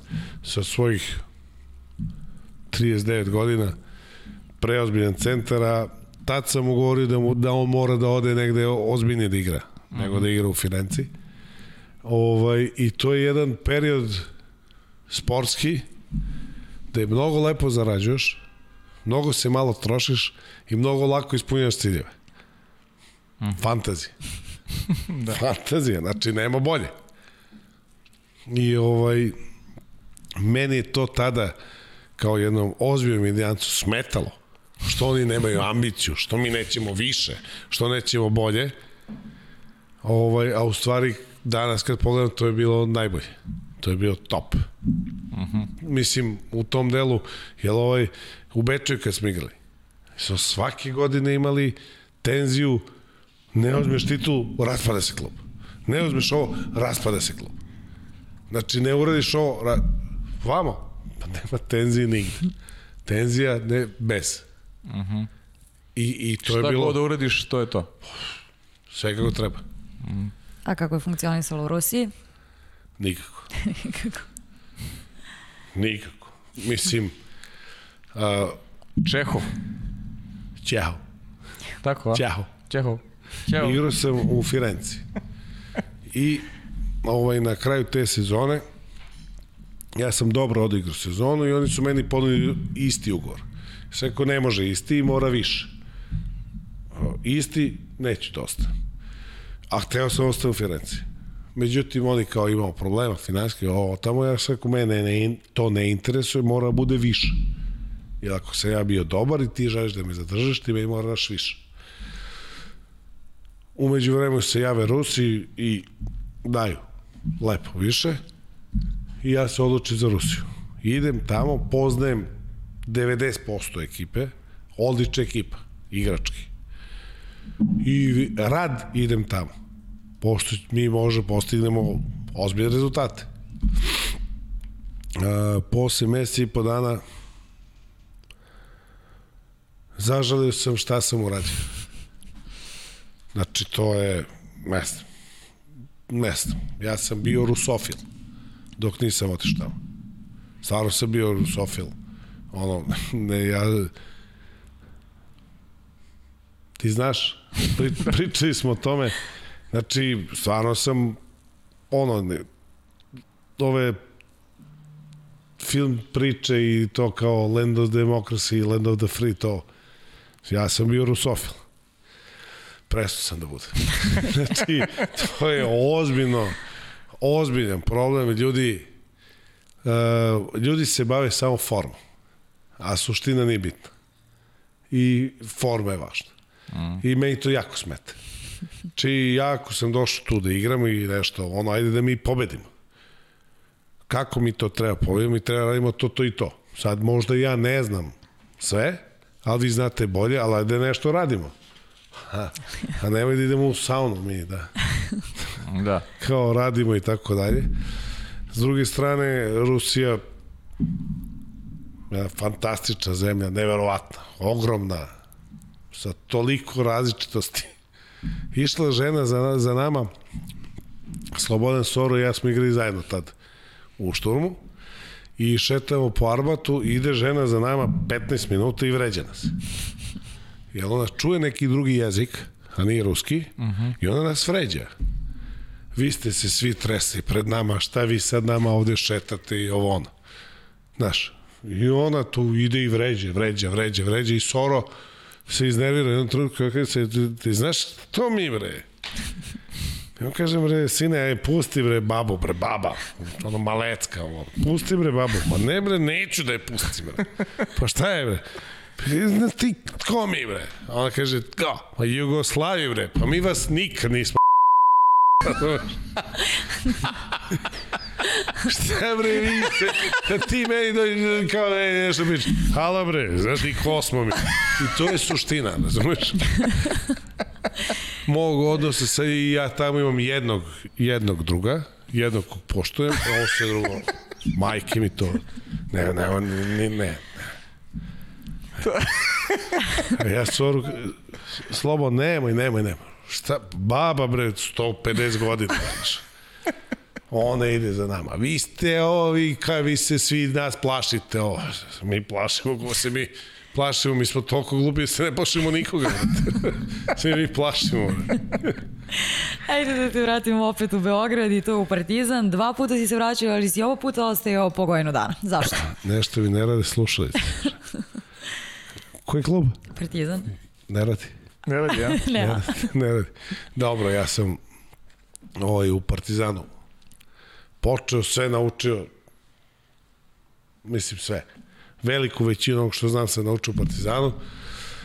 Ovaj, Partizan je apsolutno institucija svetskog vaterpola i evo kažem, bilo mi je drago da sam bio deo toga. Dva puta po godinu dana zbog toga što nisam kompatibilan sa, sa tim, sa Partizanom.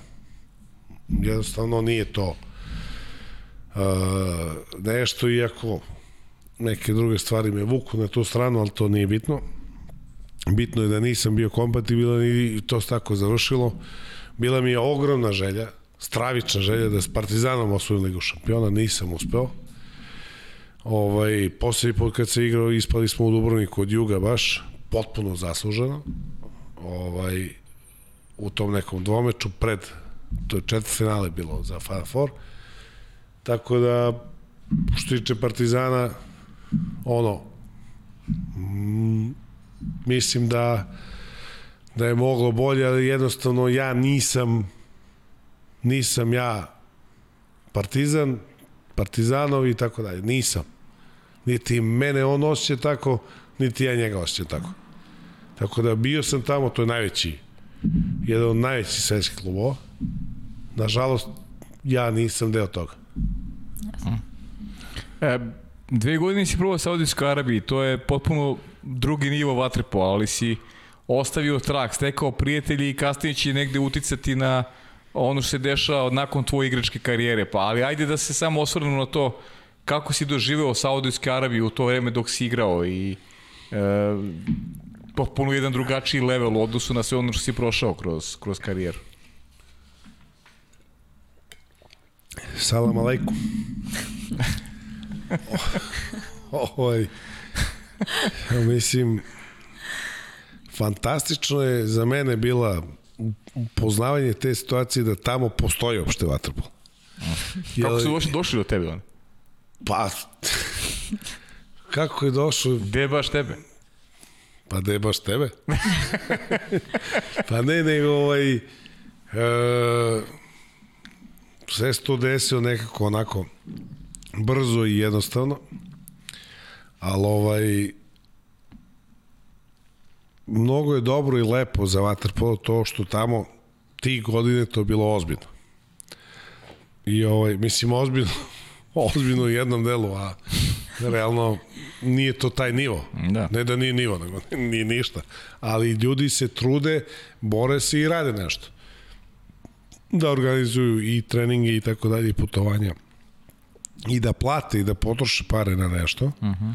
Ovaj, I mnogo sam srećen.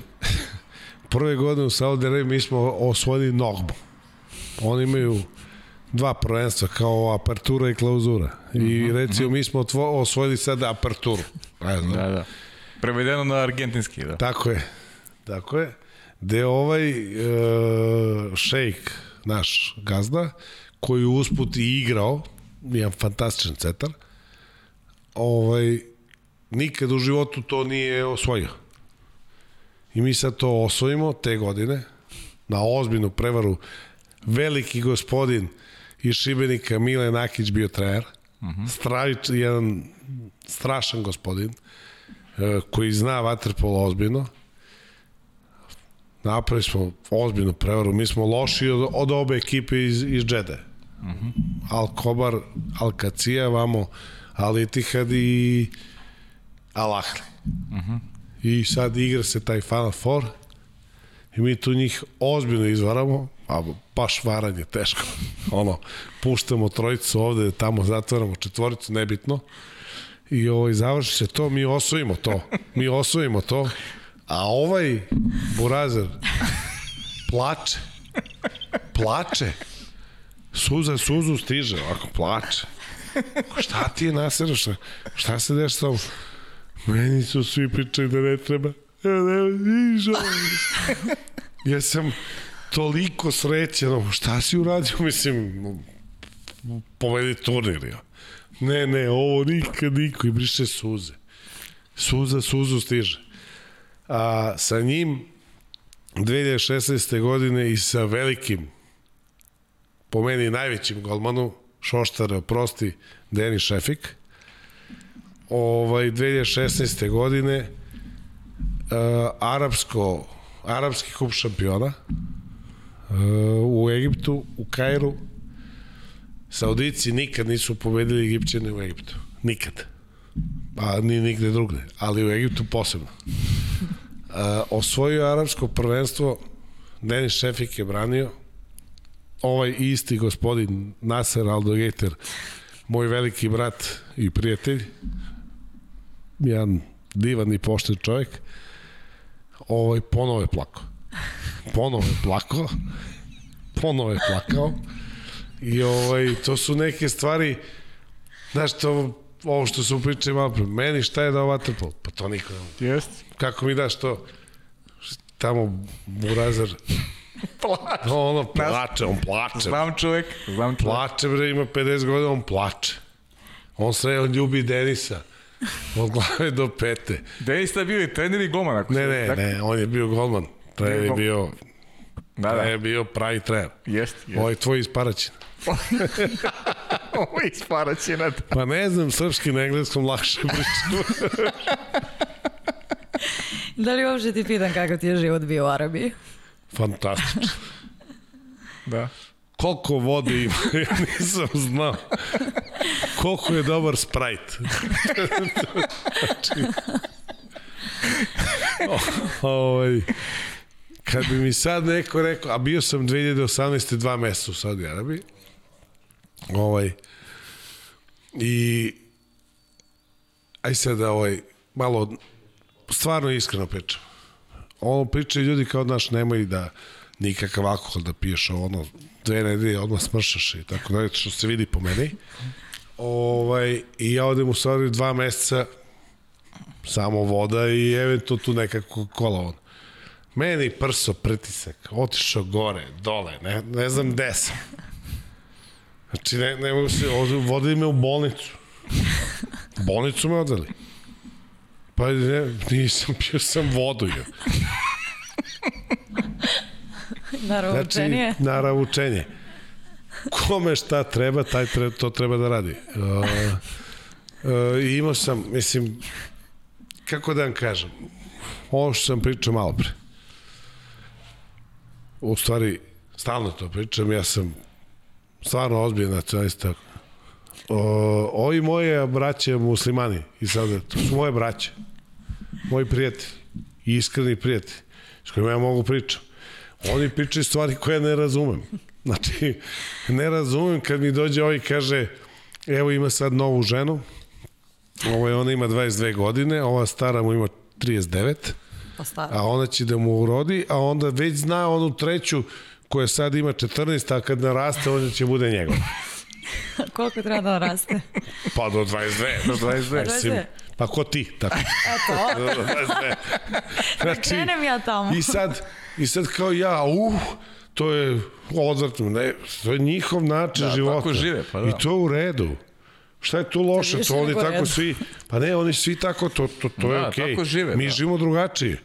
Što bi on mene osuđivao zbog nečega o, ili ja njega Jeste, zbog tih kulturoloških razlika. Ja nemam problem s tim. Nemam problem s tim, nikakav. Prihvatiš nečiju kulturu i lakše tako i da lakše tako i da živiš s I, njima, da. I prihvatim to da 22 i... Ajde. Jugo, kraj karijere Crvena zvezda. Poslije utakmice se odigrao 29. aprila 2012. godine i to protiv Partizana. Interesantno, cijeloj priči da je tada trener Partizana bio Uroš Stevanović, sada trener tvog kluba radničkog, a sa druge strane ti si igrao za ekipu, gledamo neke slike, igrao si za Crvenu zvezdu koju je trenirao tvoj prijatelj i kum Deki Savić. Lepa sećanja. Ovaj, Uroš Stevanović je na, najzad otišao iz Partizana i progledao i došao da postane ono što treba da postane. Ovaj, o, presjećan sam stvarno što sam u Zvezdi završio karijeru i smatrao sam da, ja i dalje to smatram da svaki ozbiljan sportista srpski koji negde nešto napravi neku karijeru mora u Srbiji da završi karijeru. Tu jednu godinu mora da odigra kako god, koliko god može i da pomogne toj nekoj deci da ih negde nekako usmeri. Uh -huh. I da je stvarno da, da im pomogne. Ovaj, kao profesionalac, kao što i svako drugi profesionalac, suština nije u, u, u, u primanju, nego u davanju. Uh -huh. I mi mora da damo ono što smo mi tu naučili, jer mi smo svi odavde pošli.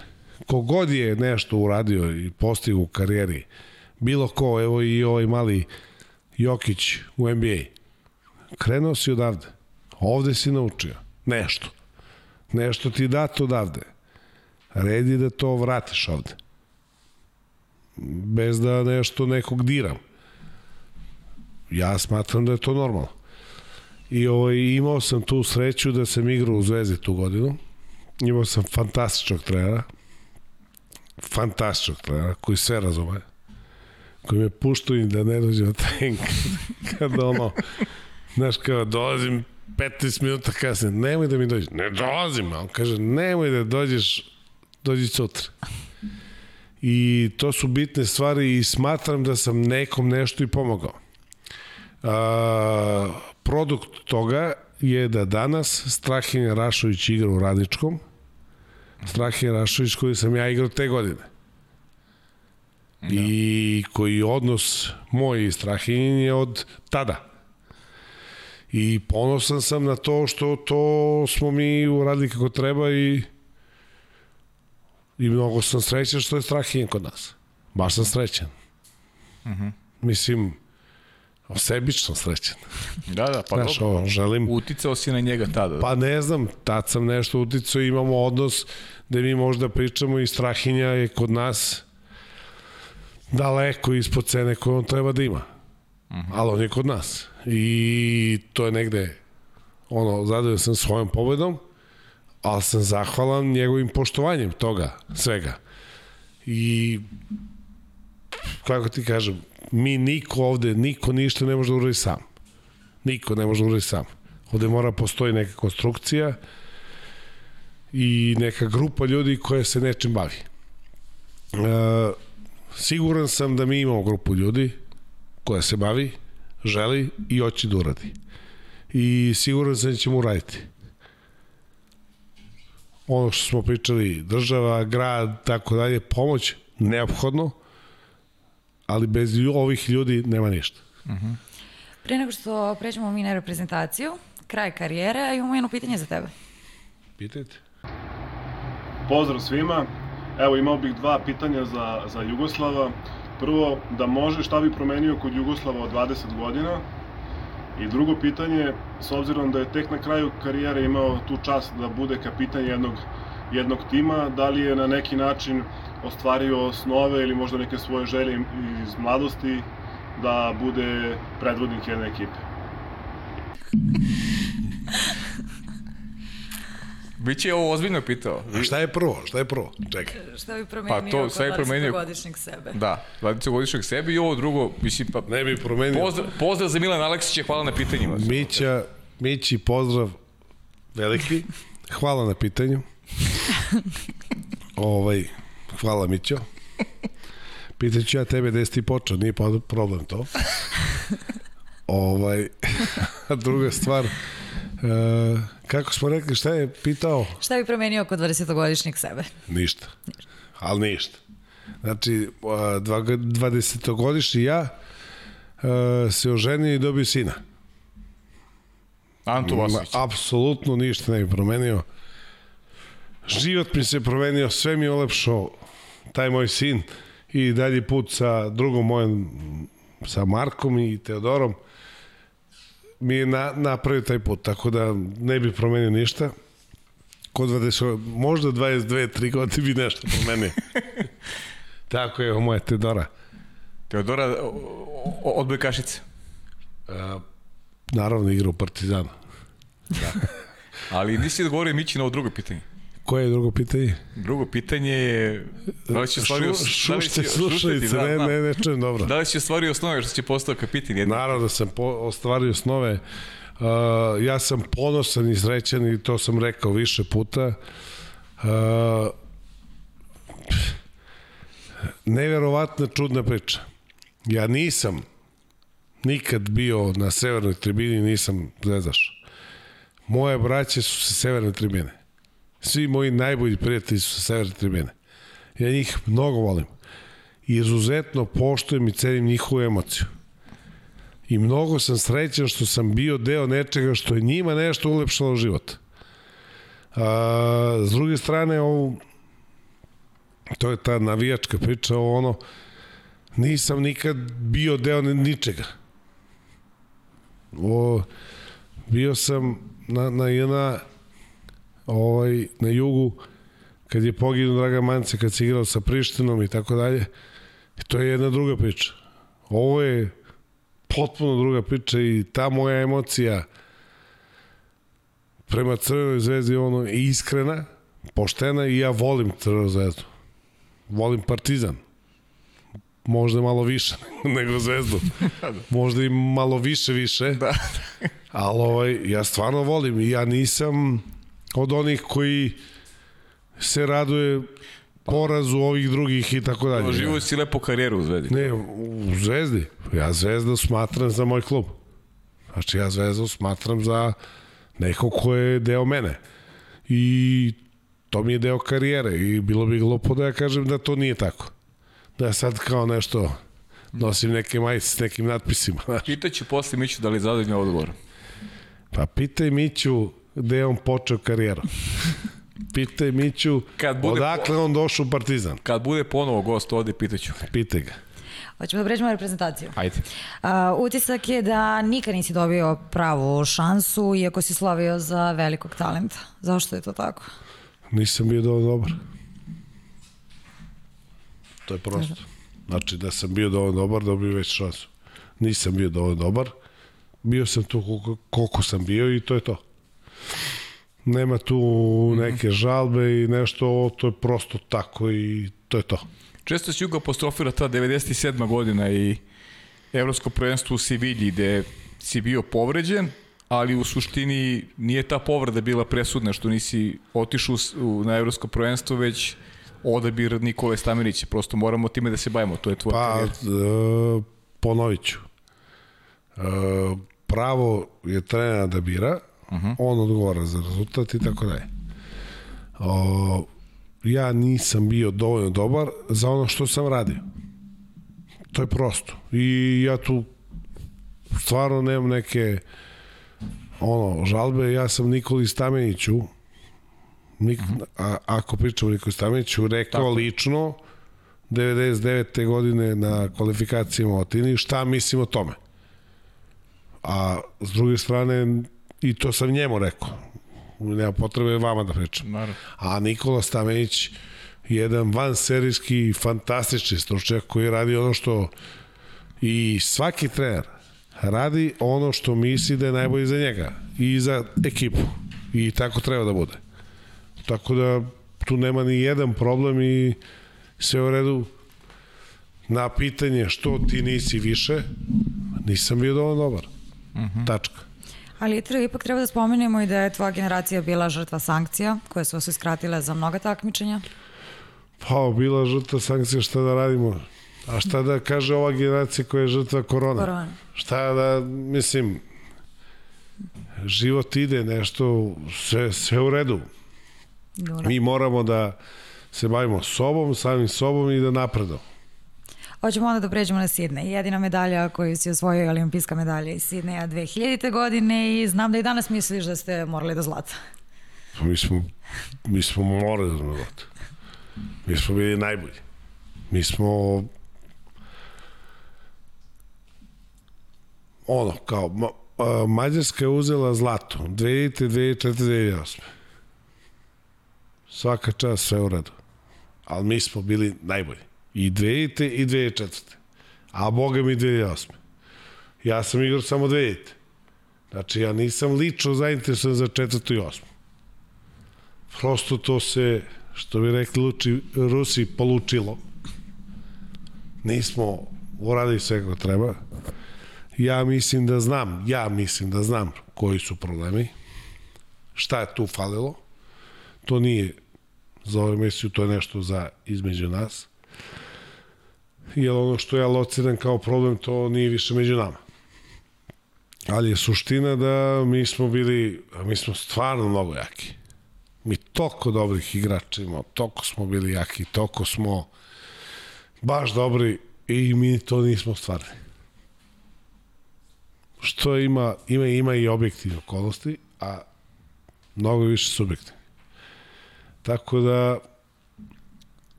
to je što je uradili smo to što smo uradili, vreme je prošlo, nema vraćanja nazad i to je to. Najlepše od svega, nije ni to malo. A stvarno nije malo. Stvarno nije malo. Mi smo jedna reprezentacija srpska koja non stop sa olimpijade donosi medalje. 2000, 2004, 2008, 2012, 2016. Bez omalovažavanja ikog drugog. I bez priče o tome kao što drugi vole da produciraju konkurencije i tako dalje. Konkurencija je ogromna svuda i svagde. Jasno. Da, to je ona priča ono o sedam reprezentacije. Koji Ne, ne, tri, tri. Tri, pa dobro, ko da futbol ne igra i više. I u futbolu osvajaju iste reprezentacije stalno medalje kao... Pa tu niko ne priča Suštine, uzmi podijum, pogledaj ko je osvajao u tom i tom sportu i uvek je to nešto isto. Ima najboljih, ima najlo, najloših, ima neko ko to zna i neko ko ne zna. Jeste. Kao Nemci. Pa Nemci znaju. I Nemci rade. A ono što je najlepše, u Waterpolu, mi smo Nemci. Da. Mi smo Nemci. Mi kad smo loši, mi smo tu. Bez talenta, bez ovog, mi smo tu. Mi smo Nemci. E, ajmo piše malo taj Sidney, to je doživeo si olimpijske igre, pričao si o tome i druženje s ostalim sportistima, ti si naveo Kareljina kao uvek si navodio kao neki, kao neki primer i vrhunskog sportiste i u to vreme je Kareljin bio pojam zaista za sve. I imaš priliku da je na jednom mestu u olimpijskom selu kao mlad čovek vidiš bukvalno sve najbolje sportiste sveta. Dakle, sve ono što vredi u svetskom sportu nalazi se u tom olimpijskom selu koje deliš sa njima u te dve nedelje koliko. Mada je, mada je sistem takmičenja bio malo drugačiji, nisi imao baš mnogo ni vremena za druženje. Ali... Mi smo u 9 dana odigrali 8 utakmica. Da. To je poslednji turnir gde nije bilo pauze između dve utakmice. Uh -huh. Poslednji olimpijski turnir gde se igralo dan za dan, pa iz grupe u četvrt finale dan pauze, pa cepaš. Uh -huh. ovaj, a što tiče Karelina, a, mnogo lepo, interesantno. Ovaj, mi smo išli m, neću se kam ja sa svakim. Dobro. Znaš, ali ne zato što ja nešto vredim, nego mene ne interesuju svi. Mene je interesuo Karedin i Felix Savon. Uh -huh. Felix Savon nam je pomegao. E, otišao na stanicu i pomegao. Čuveni bokser Kubanac. Nije čuveni boks, nego bog, bogova je car, careva. okay. Tako je. E. I ovaj, mi uvatimo o Karedina u menzi. Aleksandar Ćirić i ja. Uh -huh. Ja kao da slikamo i on kao gleda nas glavuđa ovolika. Burazer ima glavu ovako i pegla mu i ispegla glavu. I kao, a tko vi? Jugoslavi. Jugoslavi? Može. Ajde. Može. Znači vi možete, ovi drugi ne mogu. I mi slikamo sa njim, Ćira i ja. Odemo, Karadin izgubi prvo finale u životu. U stvari izgubi prvi meč u životu. Bio povređen nešto ruka, pobedi ga Amerikanac koji pobedi prodaje hamburger. Znači, ono, jedna faca, ne, ono. I ja kažem Ćiri, kakav si ti maler? Ubio si Karenina. Čovjek nije izgubio karijeru jednu, a sliku sam se ja sa njim, ali ja napočiru odmah. Ti si maler, ovo, ono.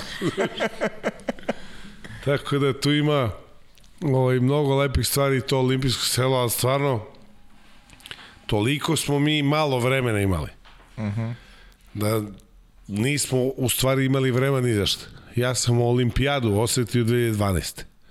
A da, u... Kad sam došao kao spoljni saradnik, razumeš? Kao, kao, da kao naš kolega. Tako je vaš kolega. Mm -hmm. Ne znam kako sam ja vaš kolega, ali tako. tako. Pa bio si, tad si bio naš kolega, da. Znam i za koga pa si jes. radio, da. Za koga? Ne mogu sad ti kažem. Ti znaš za koga si radio. Ne, ne, ne, ne, ne. Hoćemo da kažemo i da posle Sidneja, eto, nije te ponovo bilo, a rekao si posle karijere da sebe ne vidiš više u Waterpolu, srećom tu si ostao. Što si tako mislio tada u to vreme, kad si, to, kad si rekao da ne vidiš sebe u Waterpolu? Pa zašto ima kontakt sa raznim ljudima, znaš, ono da. kao. I za ovo što sam ja danas tu, uh -huh. u Waterpolu i to što ja radim, to je samo jedino jedino kriv i sa njim ću nekada Vanja doći. Znači, -huh. Vanja je mene zvao da dođem i ja nešto tad i nisam ni nešto bio radi i tako dalje, ali kroz neki razgovor s njim i tako dalje, samo Vanja Dovičić je mene doveo tu i sa Vanjom smo mi nešto krenuli da radimo, to jest ja sam krenuo da radim i danas sam tu zbog toga što on mene doveo. Niko drugi, niko treći, niko peti, nego Vanja Dovičić. I ovaj, zahvala sam mu na tome, jer ipak ta emocija koju ja imam prema ovom sportu i prema ovome, to je meni značajno. Mm -hmm. Mene ovo drži. Mene ovo, meni ovo znači. I Vanja je usput bio, bio pomoć i nikad kako da kažem, nikad nije odmogao. Nikad nije odmogao. Ako je mogao da pomogne, pomogao, ako nije, nije odmogao. Tako da, mnogo je važno to što, a on je mlađi od mene. I to popriča. Uh mhm. -huh. Popriča mlađi od mene i e, a s druge strane znači ti to što, što ste vi tu u nekoj priči. Znaš, kao mi se nešto pomažemo ti i ja se pomažemo. Evo ti, Pavle Živković i ja se pomažemo. Tako je, da. I to nam znači. Naravno. Igrao si sa svima iz aktualne generacije, bio si jedno vrijeme i team manager. Kako objašnjavaš tu dominaciju koju si imali tokom svih ovih godina? Misliš na ovih, ovi, ovi momci sada? Sada. Da. Ovo je najbolja reprezentacija ikada. Ovo je najbolji tim. Taj 14-16. Najbolji tim ikada. To su prosto je, najbolji momci ikada. Najbolji sve. U vaterpolisti možda neko ima negde bolji, ali oni su najbolji. I milina bilo gledati ih, podržati ih, navijati za njih. To je fantazija. Oni su top. Ovi, o, ovi momci danas, oni su top. Znate ono kad pričaju moja generacija, ovo, moja generacija bila super. Ali ovi, ovi su Harlem Globetrotters, ovi su najbolji. Najbolji ikad. To je redko ko priznaje za, za neko ko je... Pa ne znam šta, ko redko priznaje, ovi su najbolji. Ono pričamo šta hoćemo. Mm. Ovi su. I to su dokazali rezultatom. Da. Znači sad ima ono, znaš, kad e, neko ima svoje, e, svako ima neke svoje preference, neko voli više ovo, više ono. Rezultat, on je egzaktan. I sad kad pričamo o Safrija, SFRJ je dve olimpijade, tri olimpijade, ovo ono, nebitno. SFRJ je država od 27 miliona stanovnika. Srbija, Srbija, 7 ili 8 miliona stanovnika i momci izađu i Počiste sve. to su dve različite stvari. To je nemerljivo. Ovi, od 14 do 16, najbolji ikad. Trener njihov, gospodin Dejan Savić, sa crvenim čarapama koji su se raspale 2016. Uh -huh. Najbolji ikad. Šta mi sad pričamo ovaj i ono? Ne, ne. Egzaktna nauka. Srbija nikad ništa bolje nije imala, nikad lepše, nikad i ovo. Ja da sam neki Hollywood, mora se snimi film o njima. Oni su neverovatni. Iako ja sa nekim možda nešto i baš i ne pričam i ne sa nekim ovo, oni su Hollywood. Oni su fantazije. Šta su oni uradili? Šta su oni napravili? Sete se Brazila 2016. kada je izgubio od Brazila utakmicu u grupi. Sjećam se. Gde smo bili? Mi, svi zajedno. Ljuti. Pa dobro, ja se sjećam i šta si pričao ti tada posle tog Brazila, tako da... Šta sam pričao? Nisam bio tu. Pa ne, hoću ti kažem... Si optimista, dobro, bez obzira što... Pa naravno sam bio optimista, mi smo najbolji na svetu, mi smo ovi momci, ti momci, tad što su igrali, to, ta cela reprezentacija, da ne brojimo od 1 do 13 šta je ko, najbolji ikada. Svi ovo su velike legende, stravični igrače. Ovi najbolji ikada, niko nikad bolje od njih. Mm. Potpisano. A kaži mi, da li se plaši za budućnost Vaterpola posle Tokija, ukoliko bude Tokija uopšte naredne godine, to je veliko pitanje zbog COVID-a. Mnogo toletovanih momaka otišlo na koleđe, upravo ste ti i deki stalno to pričali meni, makar koliko su uh, važni ti, da kažem, ti klubski igrači koji su uh, neki završili karijere zbog, zbog sistema u kome Vaterpolo funkcioniše, tačne nemogućnosti da, da, da klubovi omoguće neke finansijske uslove adekvatne Uh, šta se dešavati posle Tokija i koliko si zabrinut ajde, za, za, za budućnost uh, sporta u kome koji toliko voliš i u kome funkcionišeš i nakon igračke karijere? Pa ja mislim da to je realno problem. To, to jeste problem. To bez daljnjeg je problem. Ono što nudi koleđ američki mi nemaš podrugu. Mi, mi ne da damo jer on tamo će njemu da da neku stipendiju za četiri godine da koja se, kad se preračuna godina po godinu neka ozbiljna finanska sredstva, on će to dobiti za džabe i dobit će pritom ozbiljan, ozbiljnu diplomu uh -huh. s kojom može da radi u celom svetu. Taj neki šta god odabere da radi, koji, koji je posao. S druge strane, moram ti kažem, ja se ne bojim uopšte. Ja znam da mi mnogo dobro znamo šta radimo siguran sam ono što mi radimo i siguran sam da mi to možda izguramo. Treba pomoć, treba, treba, apsolutno treba pomoć. Ovaj, mi smo ovih zadnjih par godina narasli, narasli smo mm, to 13. 15. nije ličilo da ćemo mi da rastemo ovde i ponovo ću pomenuti i sve klubove i Zvezdu i Šabac i Novi Beograd i Niš i Vojvodinu i tako dalje i sve ostale klubove i u, u, u drugoj ligi, to je kako se to kod nas zove, prva liga, prva liga da. Valis i Proletar Zenje i tako dalje, gde se ljudi trude da nešto urade. Ja se ne bojim, znam da znamo, znam da možemo, fali nam nešto i to ćemo da uradimo. Ovaj, prosto mi moramo da budemo tu, nama to pripada i mi smo ti. Mi, uh, mi, kad kažem mi smo ti, ja mislim na ceo srpski vaterpolo, mi to znamo. Uh, negde se mi tu i nešto svađamo po neke stvari. Predsjednik Saveza, vaš gost isto je bio Viktor Janić, čovek koji ima želju da unapredi to. Možda on neka nešto pogrešno i kaže ono nebitno, ali on hoće to da radi.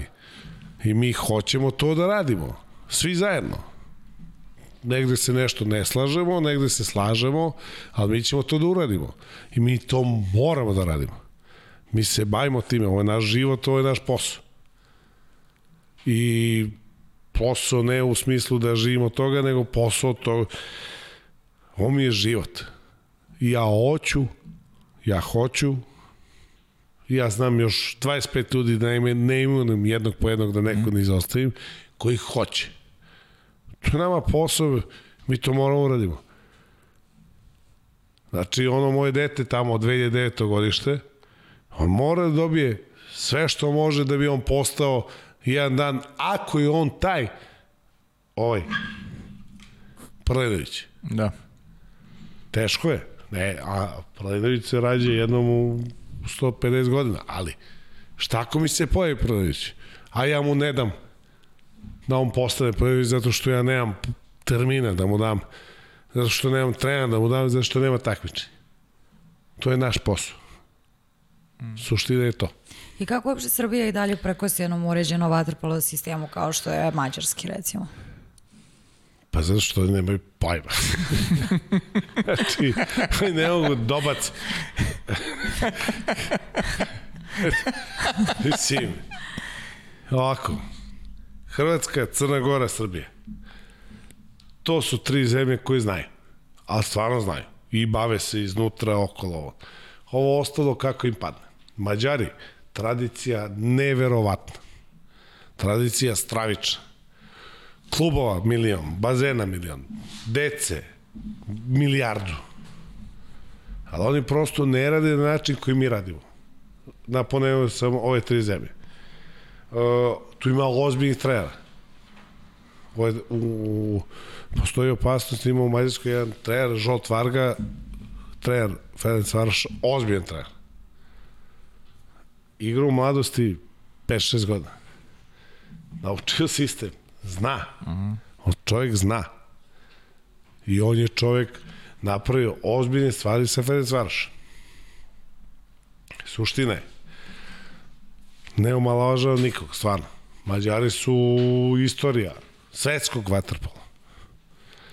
Ali ovaj, kako mi radimo i kako oni rade, to su dve različite stvari. Dve potpuno različite stvari. Mi ne bi mogli nikad da povedimo OSC prošle nedelje da oni rade kako mi radimo. Ne, ne može. A pošto mi radimo ovako, oni onako, onda mi njih pobedimo. To je suština priče. I mnogo je važno da vi ovo ne prevedete na mađarski.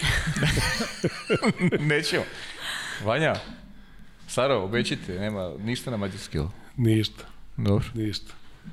Možeš ti dalje sa Marina Slobodno s ovim Ajde da vidimo ovako. Ko je najbolji svih vremena trener, igrač, golman? Šoka. Tre, trener, igrač, golman. Da. To je jedan čovjek, ta, ta tri mesta ili kako? Ne, ne, ne, ne. Svako. znaš ti, rekao si za golmana si već rekao da misliš da je, da je Denis. Denis Šefik, sigurno. Mm -hmm. Znači, bez ovaj, iako imam problem to da kažem Šoletu, Šole ozb, prevelik golman, ozbiljan, ali moje, moj ukus malo na Denisa baca i kažem no. Denis Šefik. Trener, apsolutno Dejan Savić. Igrač? Dejan Savić. Igrač. Igrač. Teška priča. Igrač ne može da bude svih vremena, ima svoje vreme. I svako vreme nosi svog najboljeg igrača. Ovaj... Ajde, tvoje vreme i ovo sad vreme. Ako je moje vreme, znaš, ja sam mnogo dugo igrao. moje vreme. No, ja sam gledao Faraga. Faraga je bio top igrač. Ja... E, to je, to je, to je Igor Milanović rekao isto, znači, da. Znači, fantazija od igrača. To je Igor Bomba. rekao. On danas ne bi mogao verovatno da igra. Isto kao ni Igor. Mm. Znači, to su druga vremena. Ono što sam ja igrao,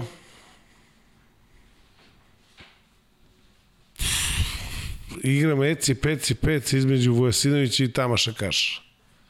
To je Eci Peci Pec. A bukvalno to su dva igrača koji su za mene ono, Vladimir Vujasinović, Tamaš Kaša. Vuja Bog, konstanta. Kašaš, a nije konstanta, ali kad odigra, sramota. Ima posle Vanja. Vanja što je odigrao dve godine, niko nikad. Dve godine, niko nikad. To šta je taj dečko radio, niko nikad. Po mene. Sad može merimo ono. Ovaj, da odaberem jednog, biram Vuju. E, Evo ovako, Vuja, Vujasinović, Vladimir, jedan. Ali još deset ima tu i Šapić, koji je ozbiljno igrao vaterpolo. Šta ćemo s Pjetlovićem? Šta ćemo s Prlinovićem? Šta ćemo s ovim? Oni svi dolaze posle to. Znači, vreme je vreme nosi, ali recimo, evo ovako, najbolji igrač ikad je vaterpolo reprezentacije Srbije 40-16. To je najbolji igrač ikad, najbolja ekipa, najbolje čast mi je da ih poznajem. Čast mi je da poznajem te momke koji su igrali 14-16. Tu je i Rađen koji, da, nažalost, da. 16. nije igrao, ali to je ta ekipa. toj generaciji, tako je. Tako je. I došao mali Jakša. Da, da. Sa 16 godina. Sa 16 godina. Ubica. E, a sad kad pravimo već paralelu kad su ta vremena u pitanju, da čujemo još jedno pitanje. E, ajmo još jedno pitanje, da. Ćao Jugo, pozdrav iz Marseja. Nadam se da si dobro, čestitke na velikom uspjehu i odličnim igrama radničkog na nedavno završenom turniru u Budimpešti. Svakako želim vam sve najbolje i u nastavku sezone. E, pitanje za tebe. Zašto danas ima mnogo manje igrača koji mogu iz neke velike udaljenosti, recimo sa 10-12 metara da postignu gol, nego što je to bilo u tvoje vrijeme, eto i u periodu kad sam ja počinio da igram, bilo igrača koji su mogli i sa 10-12 metara da postignu gol, ti si jedan od njih. Šta se tu promijenilo, šta misliš, je nešto u radu se promijenilo, jer su danas je baš redko za neko da go iz toliko velike udaljenosti. Imamo Mandića i ne bih još puno mogo igrača da nabrojim. Pozdrav!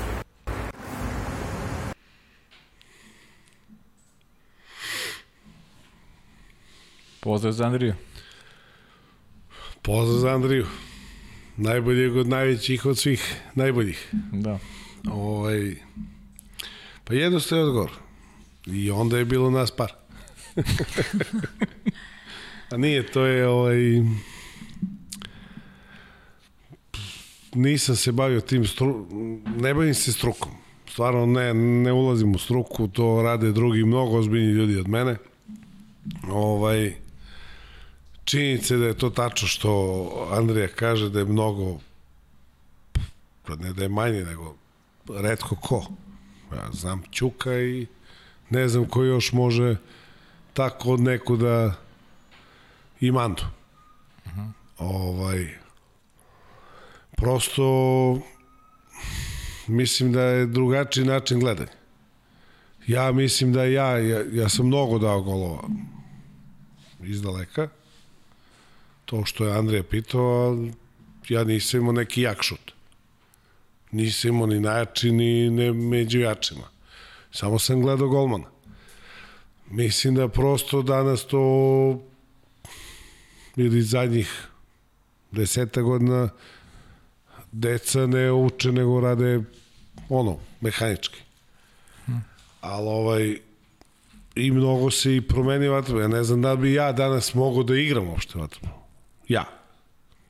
Ona je od onda. Da bi ja mogao da igram sa ovim momcima, jer ovo su mašine preozbiljne. Jaki, plivaju, sve mogu.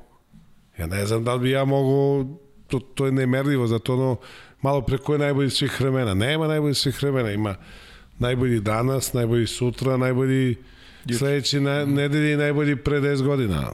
Nema, svaku u svoje vreme. Mm. Aj malo da nam pre nego što pređemo pitanje gledalaca, pošto, pošto ih ima zaista mnogo. Da nam malo ispričaš tu epizodu, pošto si ti, eto, jedno vreme bio i selektor Saudijske Arabije, bilo je tu onako i kvalitetnih pomaka kada pričamo o Vaterpolu u toj zemlji, sveća se Azerbejdžana da ste napravili dobar rezultat.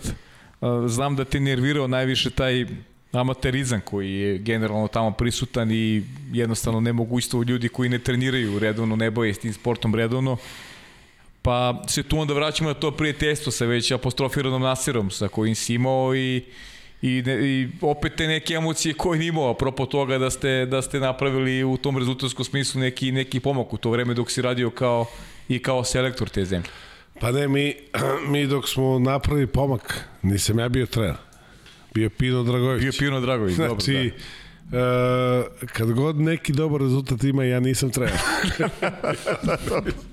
ja nisam, ja stvarno nisam trener.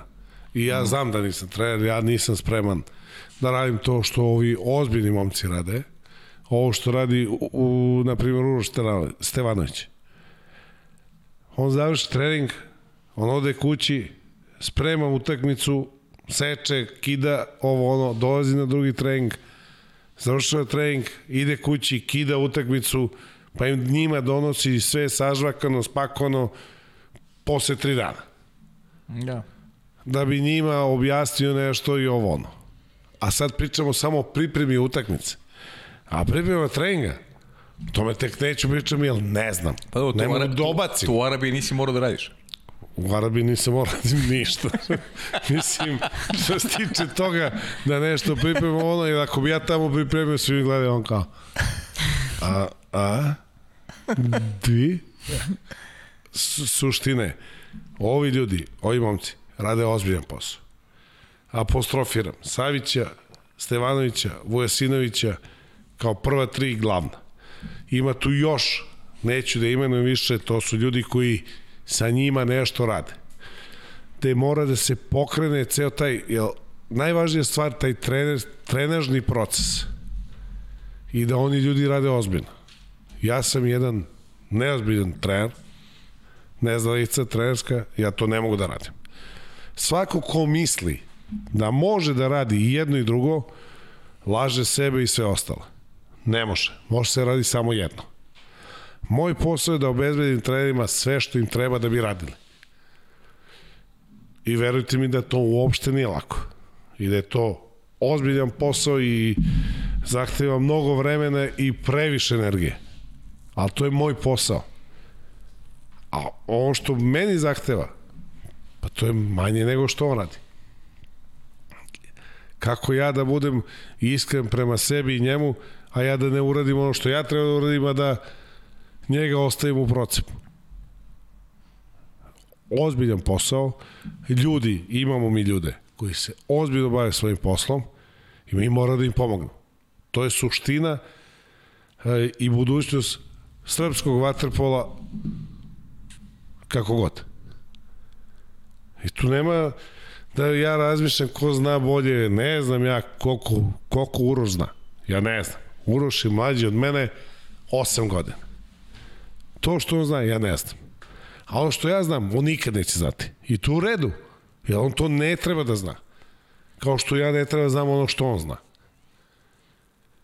I sad to prenesemo na sve ostale klubove, na savezi, na sve ostale. Svako radi svoj posao. Sine, ovo je tvoj zadatak, uradi ga, to je to. Boljitak našeg sporta je naš interes opšti. Nije samo moj nego opšti interes. I Partizana, i Zvezde, i Radničkog, i Novog Beograda, i Vojvodine, i Šapca, i Niša, i Valjeva, koga god hoćeš ti nabrojim. To je interes svih nas. I mi moramo da se bavimo time. Ko će pobedi danas, sutra ovo? Za koga sudi ovo? Koga to briga? Mm. Hoćemo na pitanje gledalaca. Kad ti kažeš? Dobili smo toliko pitanja za tebe. Ne znam ni odakle da počnem. Ajde da prvo nam objasniš Aleksandra naša Milošević je pitala da objasniš nekadašnju podelu na slane i slatke klubove. Pa to i dalje postoji. Slani su sa mora, slatki su od ozgo. Nije, to mi je jasno, ali verovatno je imala Ima razlog zašto te pita. Pa ima razlika. Da su slani klubovi se pitali i pravili filozofiju, da kažem, te nekadašnje podele jugoslovenskog vaterpola, Jugoslavija nikad ništa ne bi uradila. To je talent, tuturutu igra, iza leđa, ovo ono. Slatki. sve pod konac i rezultat. Kad spojiš slane i slatke u jedno, pobedio si. I to je ta podela o kojoj pričamo. To je možda Boris Zloković najbolje objasnio. Jasnije, da. Šta je Boris? Boris Loković je objasnio. Da. Da bi on volao da, da. je imao više partizanove škole, Jeste. a da je manje trenirao. A jedno s drugim ne ide, brate. Ne ide. Boris Loković je jedan od najvećih igrača ikad najboljih. On šta je znao, niko nije znao. Da. Znači, ali ono što je rekao, hoće da treniraš ili ne treniraš. Da. I ja se slažem s Borisom. I zato sam tu gde sam, a nisam... Hoćeš, hoćeš ja da pitam o, o, ovaj, ovo Marino pitanje, Marine Đurić ovo. Ajde. Kaže, e, Jugino mišljenje zbog čega sponzori za, zaobilaze ulaganje u Waterpolo? A, da li je neko trebao marketinški da bolje izreklamira Waterpolo i animira decu mlađe uzraste da se bave tim sportom nakon svih uspeha prethodnih generacija i ko je tu zakazao, zašto Savez, Savez ništa ne radi, ne radi po tom pitanju, veliki pozdrav za tebe od Marine Đurića. Pa, sigurno da je Savez zakazao kao i svaki klub. Nije samo Savez, svi zajedno su zakazali. Što nisu iskoristili moment koji je bio pozitivan za sam sport. A, ovaj, a nije to samo to su, već smo pričali o tome o sponsorima i tako dalje. Jesmo, da. I nije to samo znaš ti napraviš rezultat pojave se sponzore, nije to tako. Nije to tako. To ima, znači, kompleksnija priča mnogo i treba svako da da sebe u to i treba naći način kako da ti dođeš do toga ono što tebi treba. Uh -huh. Kao sportu i kao klubu i bilo šta. Uh -huh. Najlepše, o, o, najlakše optužiti sad recimo Savez ili nekoga stoji da nisu radili kako treba, ali nije ni sve do toga. Uh -huh. A, Bata Travica je pitao da li igrajući u Crvenoj zvezdi ostvario sve svoje želje kao igrač, ali to smo već dobili odgovor. To je već Milan postavio. Da li znaš Bata Travica? Ko je Bata Travica? Ne, ne znam. Đurđe. Đurđe. Dobro. A, Leska pitao pregovori sa kojim klubom igračem su bili najzanimljiviji? Pregovori? Da. Najzanimljiviji nisu nikad. Jer ovaj, kad kad ti ne završiš pregovore na prvu, od toga ništa. Ma ništa. Ništa. I ako se posle realizuje zbog nečega, to nije to. I sad ti kao nešto pregovaraš, hoću ja, ispričat ću vam jednu staru priču, anegdotu iz 80. godina. Ovaj Crvena zvezda e, kupuje ruskog igrača Šmeljova koji igrao tada recimo za CSKA u Moskvi. I odi oni tamo na pregovore i legendarni generalni sekretar uh, Vatrpol Savjeza Srbije, tada Vatrpol kluba Crve zvezde Dragan Solomon, Sole, čuveni Sole, ovaj, u toj grupi koja pregovara. I sad oni pričaju za tog Šmeljova, pa ne znam, Rusi traže 200 dinara. Može. I dva putovanja u Beograd. Može. I četiri obilaska Zološkog vrta. Može. I pet puta u restoran u Skadaliju. Može. I kaže Sole, i dve lubenice. Evo, daćemo i dve lubenice. Znači, iskarikirao sam nešto, ali na kraju ovo, apsolutno, evo i dve lubenice. Onda, znaš e, suština je kad se mi dogovorimo ovo ono, to je to. A sve ovo, kako se razvače pregovori, kako to odlazi dalje, uvek na kraju to ispadne loše. loše. Da. Jelena Stjanović pita, ima nekoliko pitanja, kaže igrao si u različitim klubovima i za različitih zemalja, kako vidiš odnos prema vaterpolu i vaterpolistima tamo gde si igrao i ovde i kako na to gledao kao igrač, a kako na to gleda sada sa pozicije van bazena? Pa, reći jednu stvar. E, ovo što smo mi danas i što smo bili u Waterpolu smo zbog toga što smo najozbiljniji. Mi smo preozbiljni. Kod nas ne može se desiti da mi idemo na utakmicu da vozi trener ili roditelj kombi. Ili autobus. Samo profesionalci. Mi smo preozbiljni. Mi, mi smo mnogo jaki u odnosu na druge u svim tim sporednim stvarima. Mi nemamo finansijska sredstva koja nema, ali mi smo mnogo ozbiljnjenih. A s druge strane, a, ne mogu da se oni prosto u Nemačkoj su prestali da, da, da uče medicinu. Jer su izračuni da dok on poče da zarađuje, da je mnogo više para potrošio nego da mu treba mnogo vremena da vrati to. Uh -huh. I ono što mi danas u ovom sportu trošimo ovde kod nas, što je tri puta manje nego negde drugde, i ovde sasvim solidna plata. Plata. Nije to nešto što će ti ostane posao, lepa plata.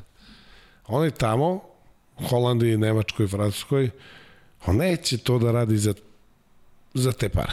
Iako je više nego što je ovde, ali on mora da ima planiranu budućnost. To je osnovna razlika između nas i njih u tom odnosu.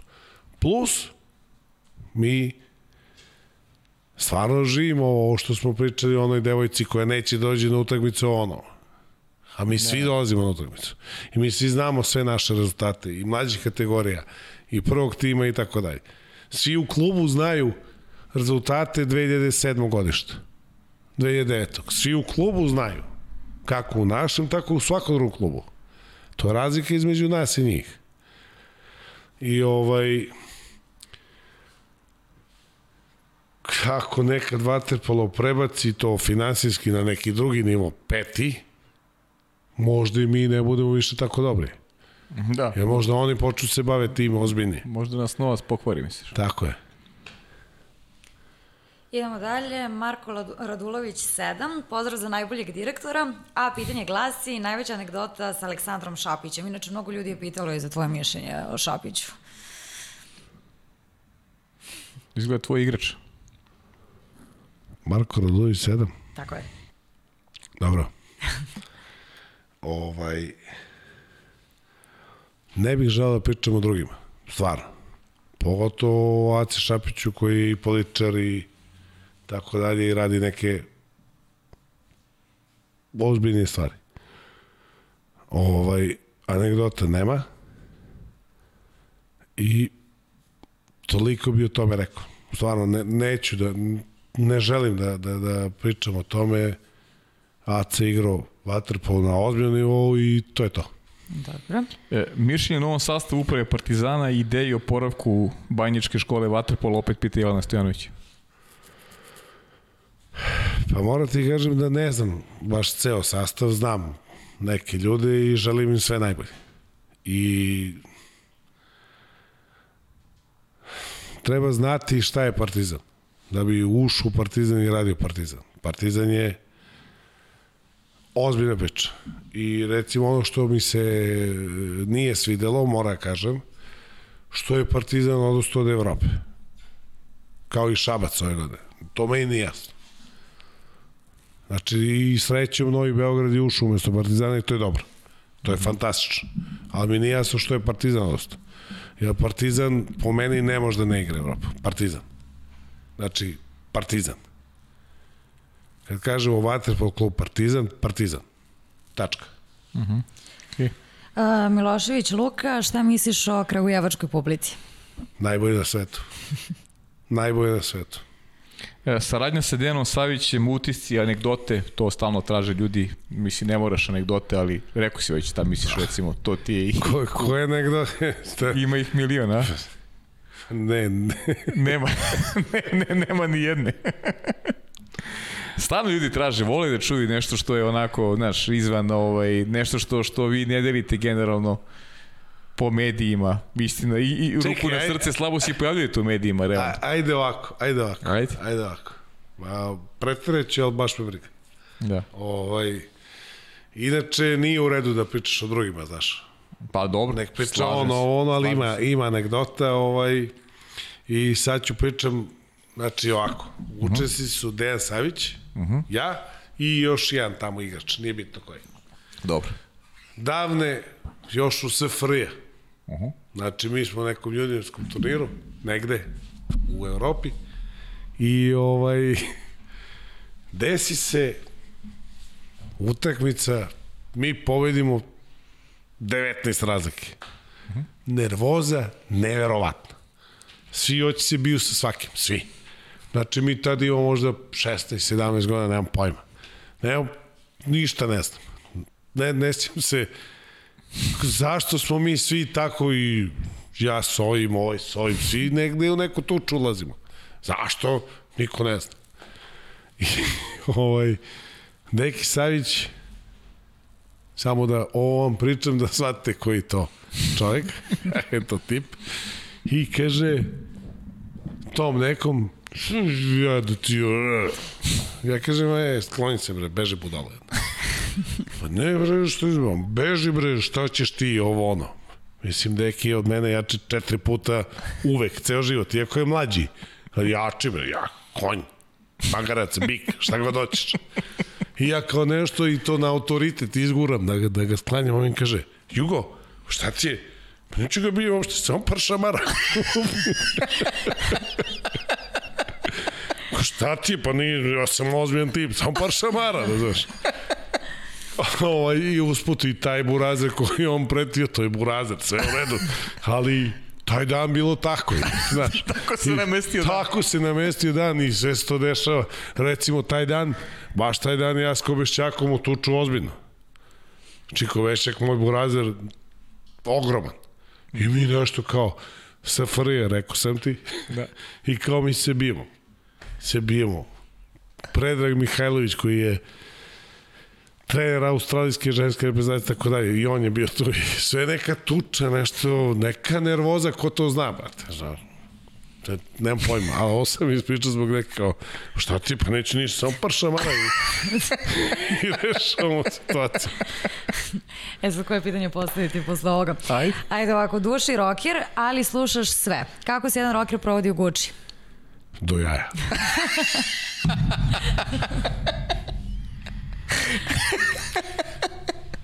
Znači, ne, ne, šta ti kažem, kad sam bio mali znao sam svoj pravac. Znači, Guča, ono, fantazija. Je, a na to se nadovezuje Aleksandar isto, da li će javno priznati da je on slomio anti-iglu na gramofonu? Jesam. Priznaš sad, mogu. Sad priznaš, sad smiješ. Sad mogu, pa tad sam se plašio me ne zubija. Sad me baš briga. Znaš što će. E, kaže, šta je po njegovom mišljenju, ta, ne, aj, to smo pričali, najnizgodniji golman i najteži protivnik iz represivne klubske karijere? O, mogu ti kažem da Waterpolo, ovo što sam ja igrao, uh -huh. uh, protiv Čire, Aleksandar Ćirića i Petar Trbović. To ne može se igra. To ne može se igra. Ubice kada su... Ma ne može se igra. Ako te on... -huh. Ne može se igra. Uh -huh. A, ja, golman? ja, ja, nisam, ja nisam u golman, ne znam. Ne znaš? Ne sjećam se. Dobro, dobro. Ajmo dalje, Marin. Mm, evo, gledam, tražim, pola smo govorili. Evo ga, Vuk Kovačević, koliko dnevno treniraju igrači prvog tima? A, pa zavisi od perioda treninga. Treniraju od 8 do 4 sata dan. Lažem. 5. Lepo. E, koliko se odnosi van bazena uopšte reflektuju na staciju u bazenu? O, isto Jelena, Jelena Stojanović pita. I pitate za tvoj igrački uzor i za životni moto. E, morat ćeš to da mi ponoviš, to je pod pitanje. Dobro. Ali, ovaj, koliko se reflektuje bazen i ovo privatno? Da. Zavisi od ekipe do ekipe. I to je sad ono profesionalci, neprofesionalci i tako dalje. Suštinski, mnogo je dobro da imaju dobar odnos van bazena. Uh -huh. Ali nije neophodno. Nije neophodno. Mogu da budu top profesionalci i da to nose. Uh -huh. ovaj, najvažnije je da oni u bazenu daju sve što imaju. Ja lično mislim da ti ne možeš u bazenu da staviš glavu tamo gde niko ne stavlja ni štap za mene, a da nisi sa mnom dobar. To ja mislim.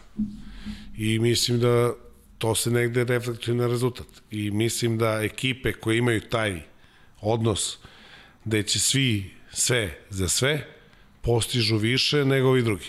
Jasno. I to u svim sportovima, ne samo u waterpolu. Znači, i mnogo više volim da imam ekipu koja nije top kao Galacticos, nego je ono ono burazerska. Kidamo da, da. se i ginemo, svi, svi poveđamo i svi gubimo. Ja to volim. Ja možda grešim, ali ja to volim. Aleksandar Pantić, koji je Jugoslavu najdraže gol u karijeri? Nemam pojma. Pa nemam pojma. Šta, da, volim, volim, na, na šta volim, 93. sam dao gol Partizanu u finalu play-offa, a baš iz daleka, ostattive. I ono kad sam šutnuo, lopta je pogodila stativu, odbila se u stranu i ja sam mislio sam promašio. Da je ono ostao na liniji. I toliko sam se naljutio na sebe što sam šutnuo, znaš. A onda je ovaj deo zvezdinih navijača ovaj, skočio, je lopta ušla iza, ja to ne vidim. Sam ja daleko. I oni kad su skočili, počeli se raduju, ja kad sam počeo se radujem, kao da sam bio s njima na tribini, znaš, a to nisam, nisam bio više normalan, znaš, sve ludare izletele. I ono, to je jedan gol koji je ovo, ali je bilo, bilo lepih i lepih, ono, u principu uvek su za ti zadnji golovi najlepši. Da. Od mene za kraj imam još jedno, uh, životni i sportski moto. Ja, to je isto. Nema, ne može. Nema ne može. Nema, sve može. Dobro. I ja moram još da te, ajde, pitala je Jelena i za mišljenje Andriji i Milošu Ćuku, a pozdrav naravno i za Jovanu Pantović, koji inače igra za reprezentaciju Srbije, ona igra sada za Vojvodinu, puno te pozdravlja, ona imala dva pitanja da uporediš uh, Waterpol u vreme Sidneja sa Waterpolom danas i šta su dobro donela nova pravila u odnosu, u odnosu na stare. Pa dobro ili ne dobro, pravila, to nije bitno. A stvarno nije bitno. Nešto oni pokušavaju da ubrzaju ono što ne može se ubrza, ali suštinski razlika između Sidneja i Londona neverovatno. Znači, danas je vaterpolo brži, jači, e,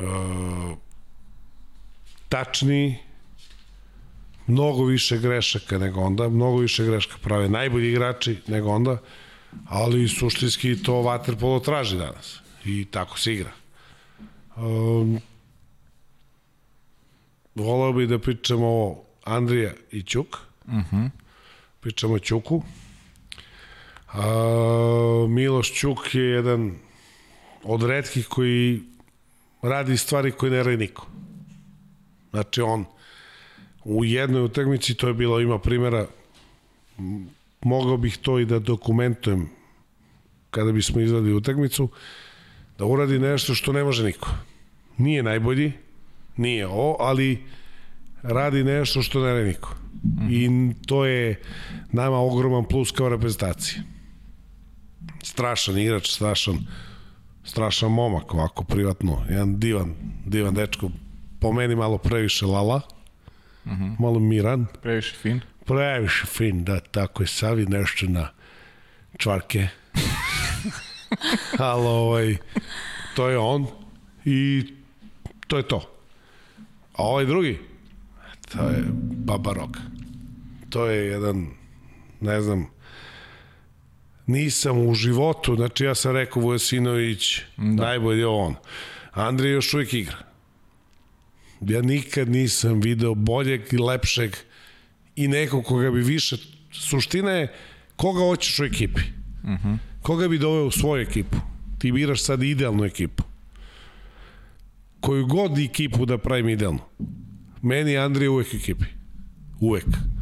Andrija, a Denis možda nekad nije, ali Andrija je uvek. Uh -huh. Znači, to je dečko koji ono, uh, o, recimo, pričamo, ja sam vama rekao, ja volim, naj, najbolji igrač ikada je reprezentacija 14-16.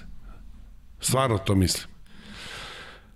A možda malo i Zvezda 12-13. Znači, uh -huh. Zvezda koja je uzela ligu šampiona. To je bio takav underdog. To, toliko nisu bili favor, toliko oni nisu, nisu trebali da budu na fan foru. Tako su nadmoć oni to lepo, pošteno pobedili. Kako su oni to odigrali? Kako su oni to milina bilo gledati. To je kako se, ovo što kažu Rusi, drug za druga bori. Da, da. To, to je prava priča i to je ono što treba da uradi i to uradio Deki Savić to uradila Crvena zvezda sa igračima koje je dovela to uradio Andrej Polinović to uradio Dule Pjetlović Nikola Rađen Denis Šefik koji tad branio da, da ne zaboravit ću, neću, ne mogu sve, sve da ih pomenem zato što no, ne mogu setiti. ekipa koja je Vapenski, Avramović, Marko, uh, Petar Ivošević i tako dalje. Znači, ne, ne mogu se setim svih sad na brzaka. To je jedna od najlepših ekipa koje sam gledao. Ja. Mili, mo, možda oni nisu nešto znali ovo. Kako su oni igrali. Plus, plus energija van bazena. To je to. To je sport. Mm. I to je ovo što pričamo. Ne mora galaktikosi da budu najbolji. Jeste. Dođu ovi neki momci, ono, ženi, gladni, ovo, ono, imaju neku podršku što ih nosi. I to je prelepo u sportu. Jer u sportu ne poveđa uvijek bolji. Kao što vidimo u futbolu našem. Dobra poruka za kraj. Da. A por, porodice moramo... Da, uh, završili smo s pitanjima gledalaca. Pa jesmo, tako? mislim ima još, ali ajde da... da... Ma pitaj još, šta je? Pa ima mnogo još, ali treba potreći ovo onda... Da pređemo. Uši smo već. Pa da. Druga emisija. Pravit ćemo pa drugu emisiju, da. hoćemo. Ali za kraj ono što je uvek volim da spomenem je porodica, ona je osnov svega, supruga Sonja, sinovi Anto, koji se bavi futbolom, Marko, rukomet, čerka Teodora, odbojka, sportska familija. Pa, sportska familija, kako se uzme ovaj... E, ponosan to, ja sam ponosan na to kakva su mi deca. Anto ima 25, Marko ima 22, Teodora ima 15. Ovaj, to su divno lepo vaspitana deca, Anto došao DIF, e, Marko je na fakultetu za sport, Teodora je u četvrtoj Beogradskoj gimnaziji. I ovaj, sva deca se bave sportom, usput neko manje uspešno, neko više uspešno, tako dalje, ali ta deca znaju šta je suština i ono što je najvažnije da, da kažem da je njih vaspitala njihova majka. Najviše, pošto silom prilika i tako dalje, ja sam bio manje tu nego što jesam i to je dobro kakva su deca danas, jel, ovaj, e, svaka njoj čast na, na tome što radila i svaka čast toj deci kako se danas ponašaju, ali ovaj, mislim da bi morali više. A, Skromno. Anto inače pitao ko je kapitan u fantaziju? Ove nedelje? Ove nedelje. Rashford. Rashford. Dobro. Rashford. E, dobro. Znači, mora... fantasy, uh, imam problem. Ja sve znam, oni ne znaju ništa, ja sam zadnji. E, kako to? kako je to moguće? Do, ovo sa duže danti, da, da, mi, da mi ne zameri posle. Dobro. Dobro. U principu, to, to je to, to. Ostaje samo da ti pitamo sada na kraju, pitali smo te na početku kako, ti, kako se osjećaš, kako si sad osjećao, ti se svidio intervju? Ja se osjećam super. Je bilo dobro. Je li vama nešto smeta? Ništa. Nama odlično. Nama bilo super i možemo već da će doći ponovo. E, može, ali Šta? pod jednim uslovom. Pod kojim? Kažeš Zvezda šampion. Kazat će Marina. Ja ne, ne, Marina, ne, Marina, ti. Ja ne, to ostavit ćemo s drugu prvi. Ne, ja. Ne. Dobro, ništa, neće doći. ništa da dođe zbog mene. ajde ovako, ajde ovako, napravimo kompromis. Ajde. Oboje kažete, ko je najbolji? Radnički. A dobro, to bar nije problem. Da Ko je najbolji? Nije problem. Ajde. Nije problem. Nije. Nije problem. Ko je najbolji? Radnički. Ja kažem ko je najbolji, vi kažete radnički. Ajde. Može. Može. Ko je najbolji? Radnički. Dobro. Nije, nije dovoljno glasno. Pa ne mogu sa glasno. radit, ćemo, radit ćemo na tom. Marina, nećemo ne idemo ništa za sledeći. Nećemo, neka Tako, prate a? naše Instagram Tako profile, je. neka šalju pitanja kao i do sada. I to je Tako to.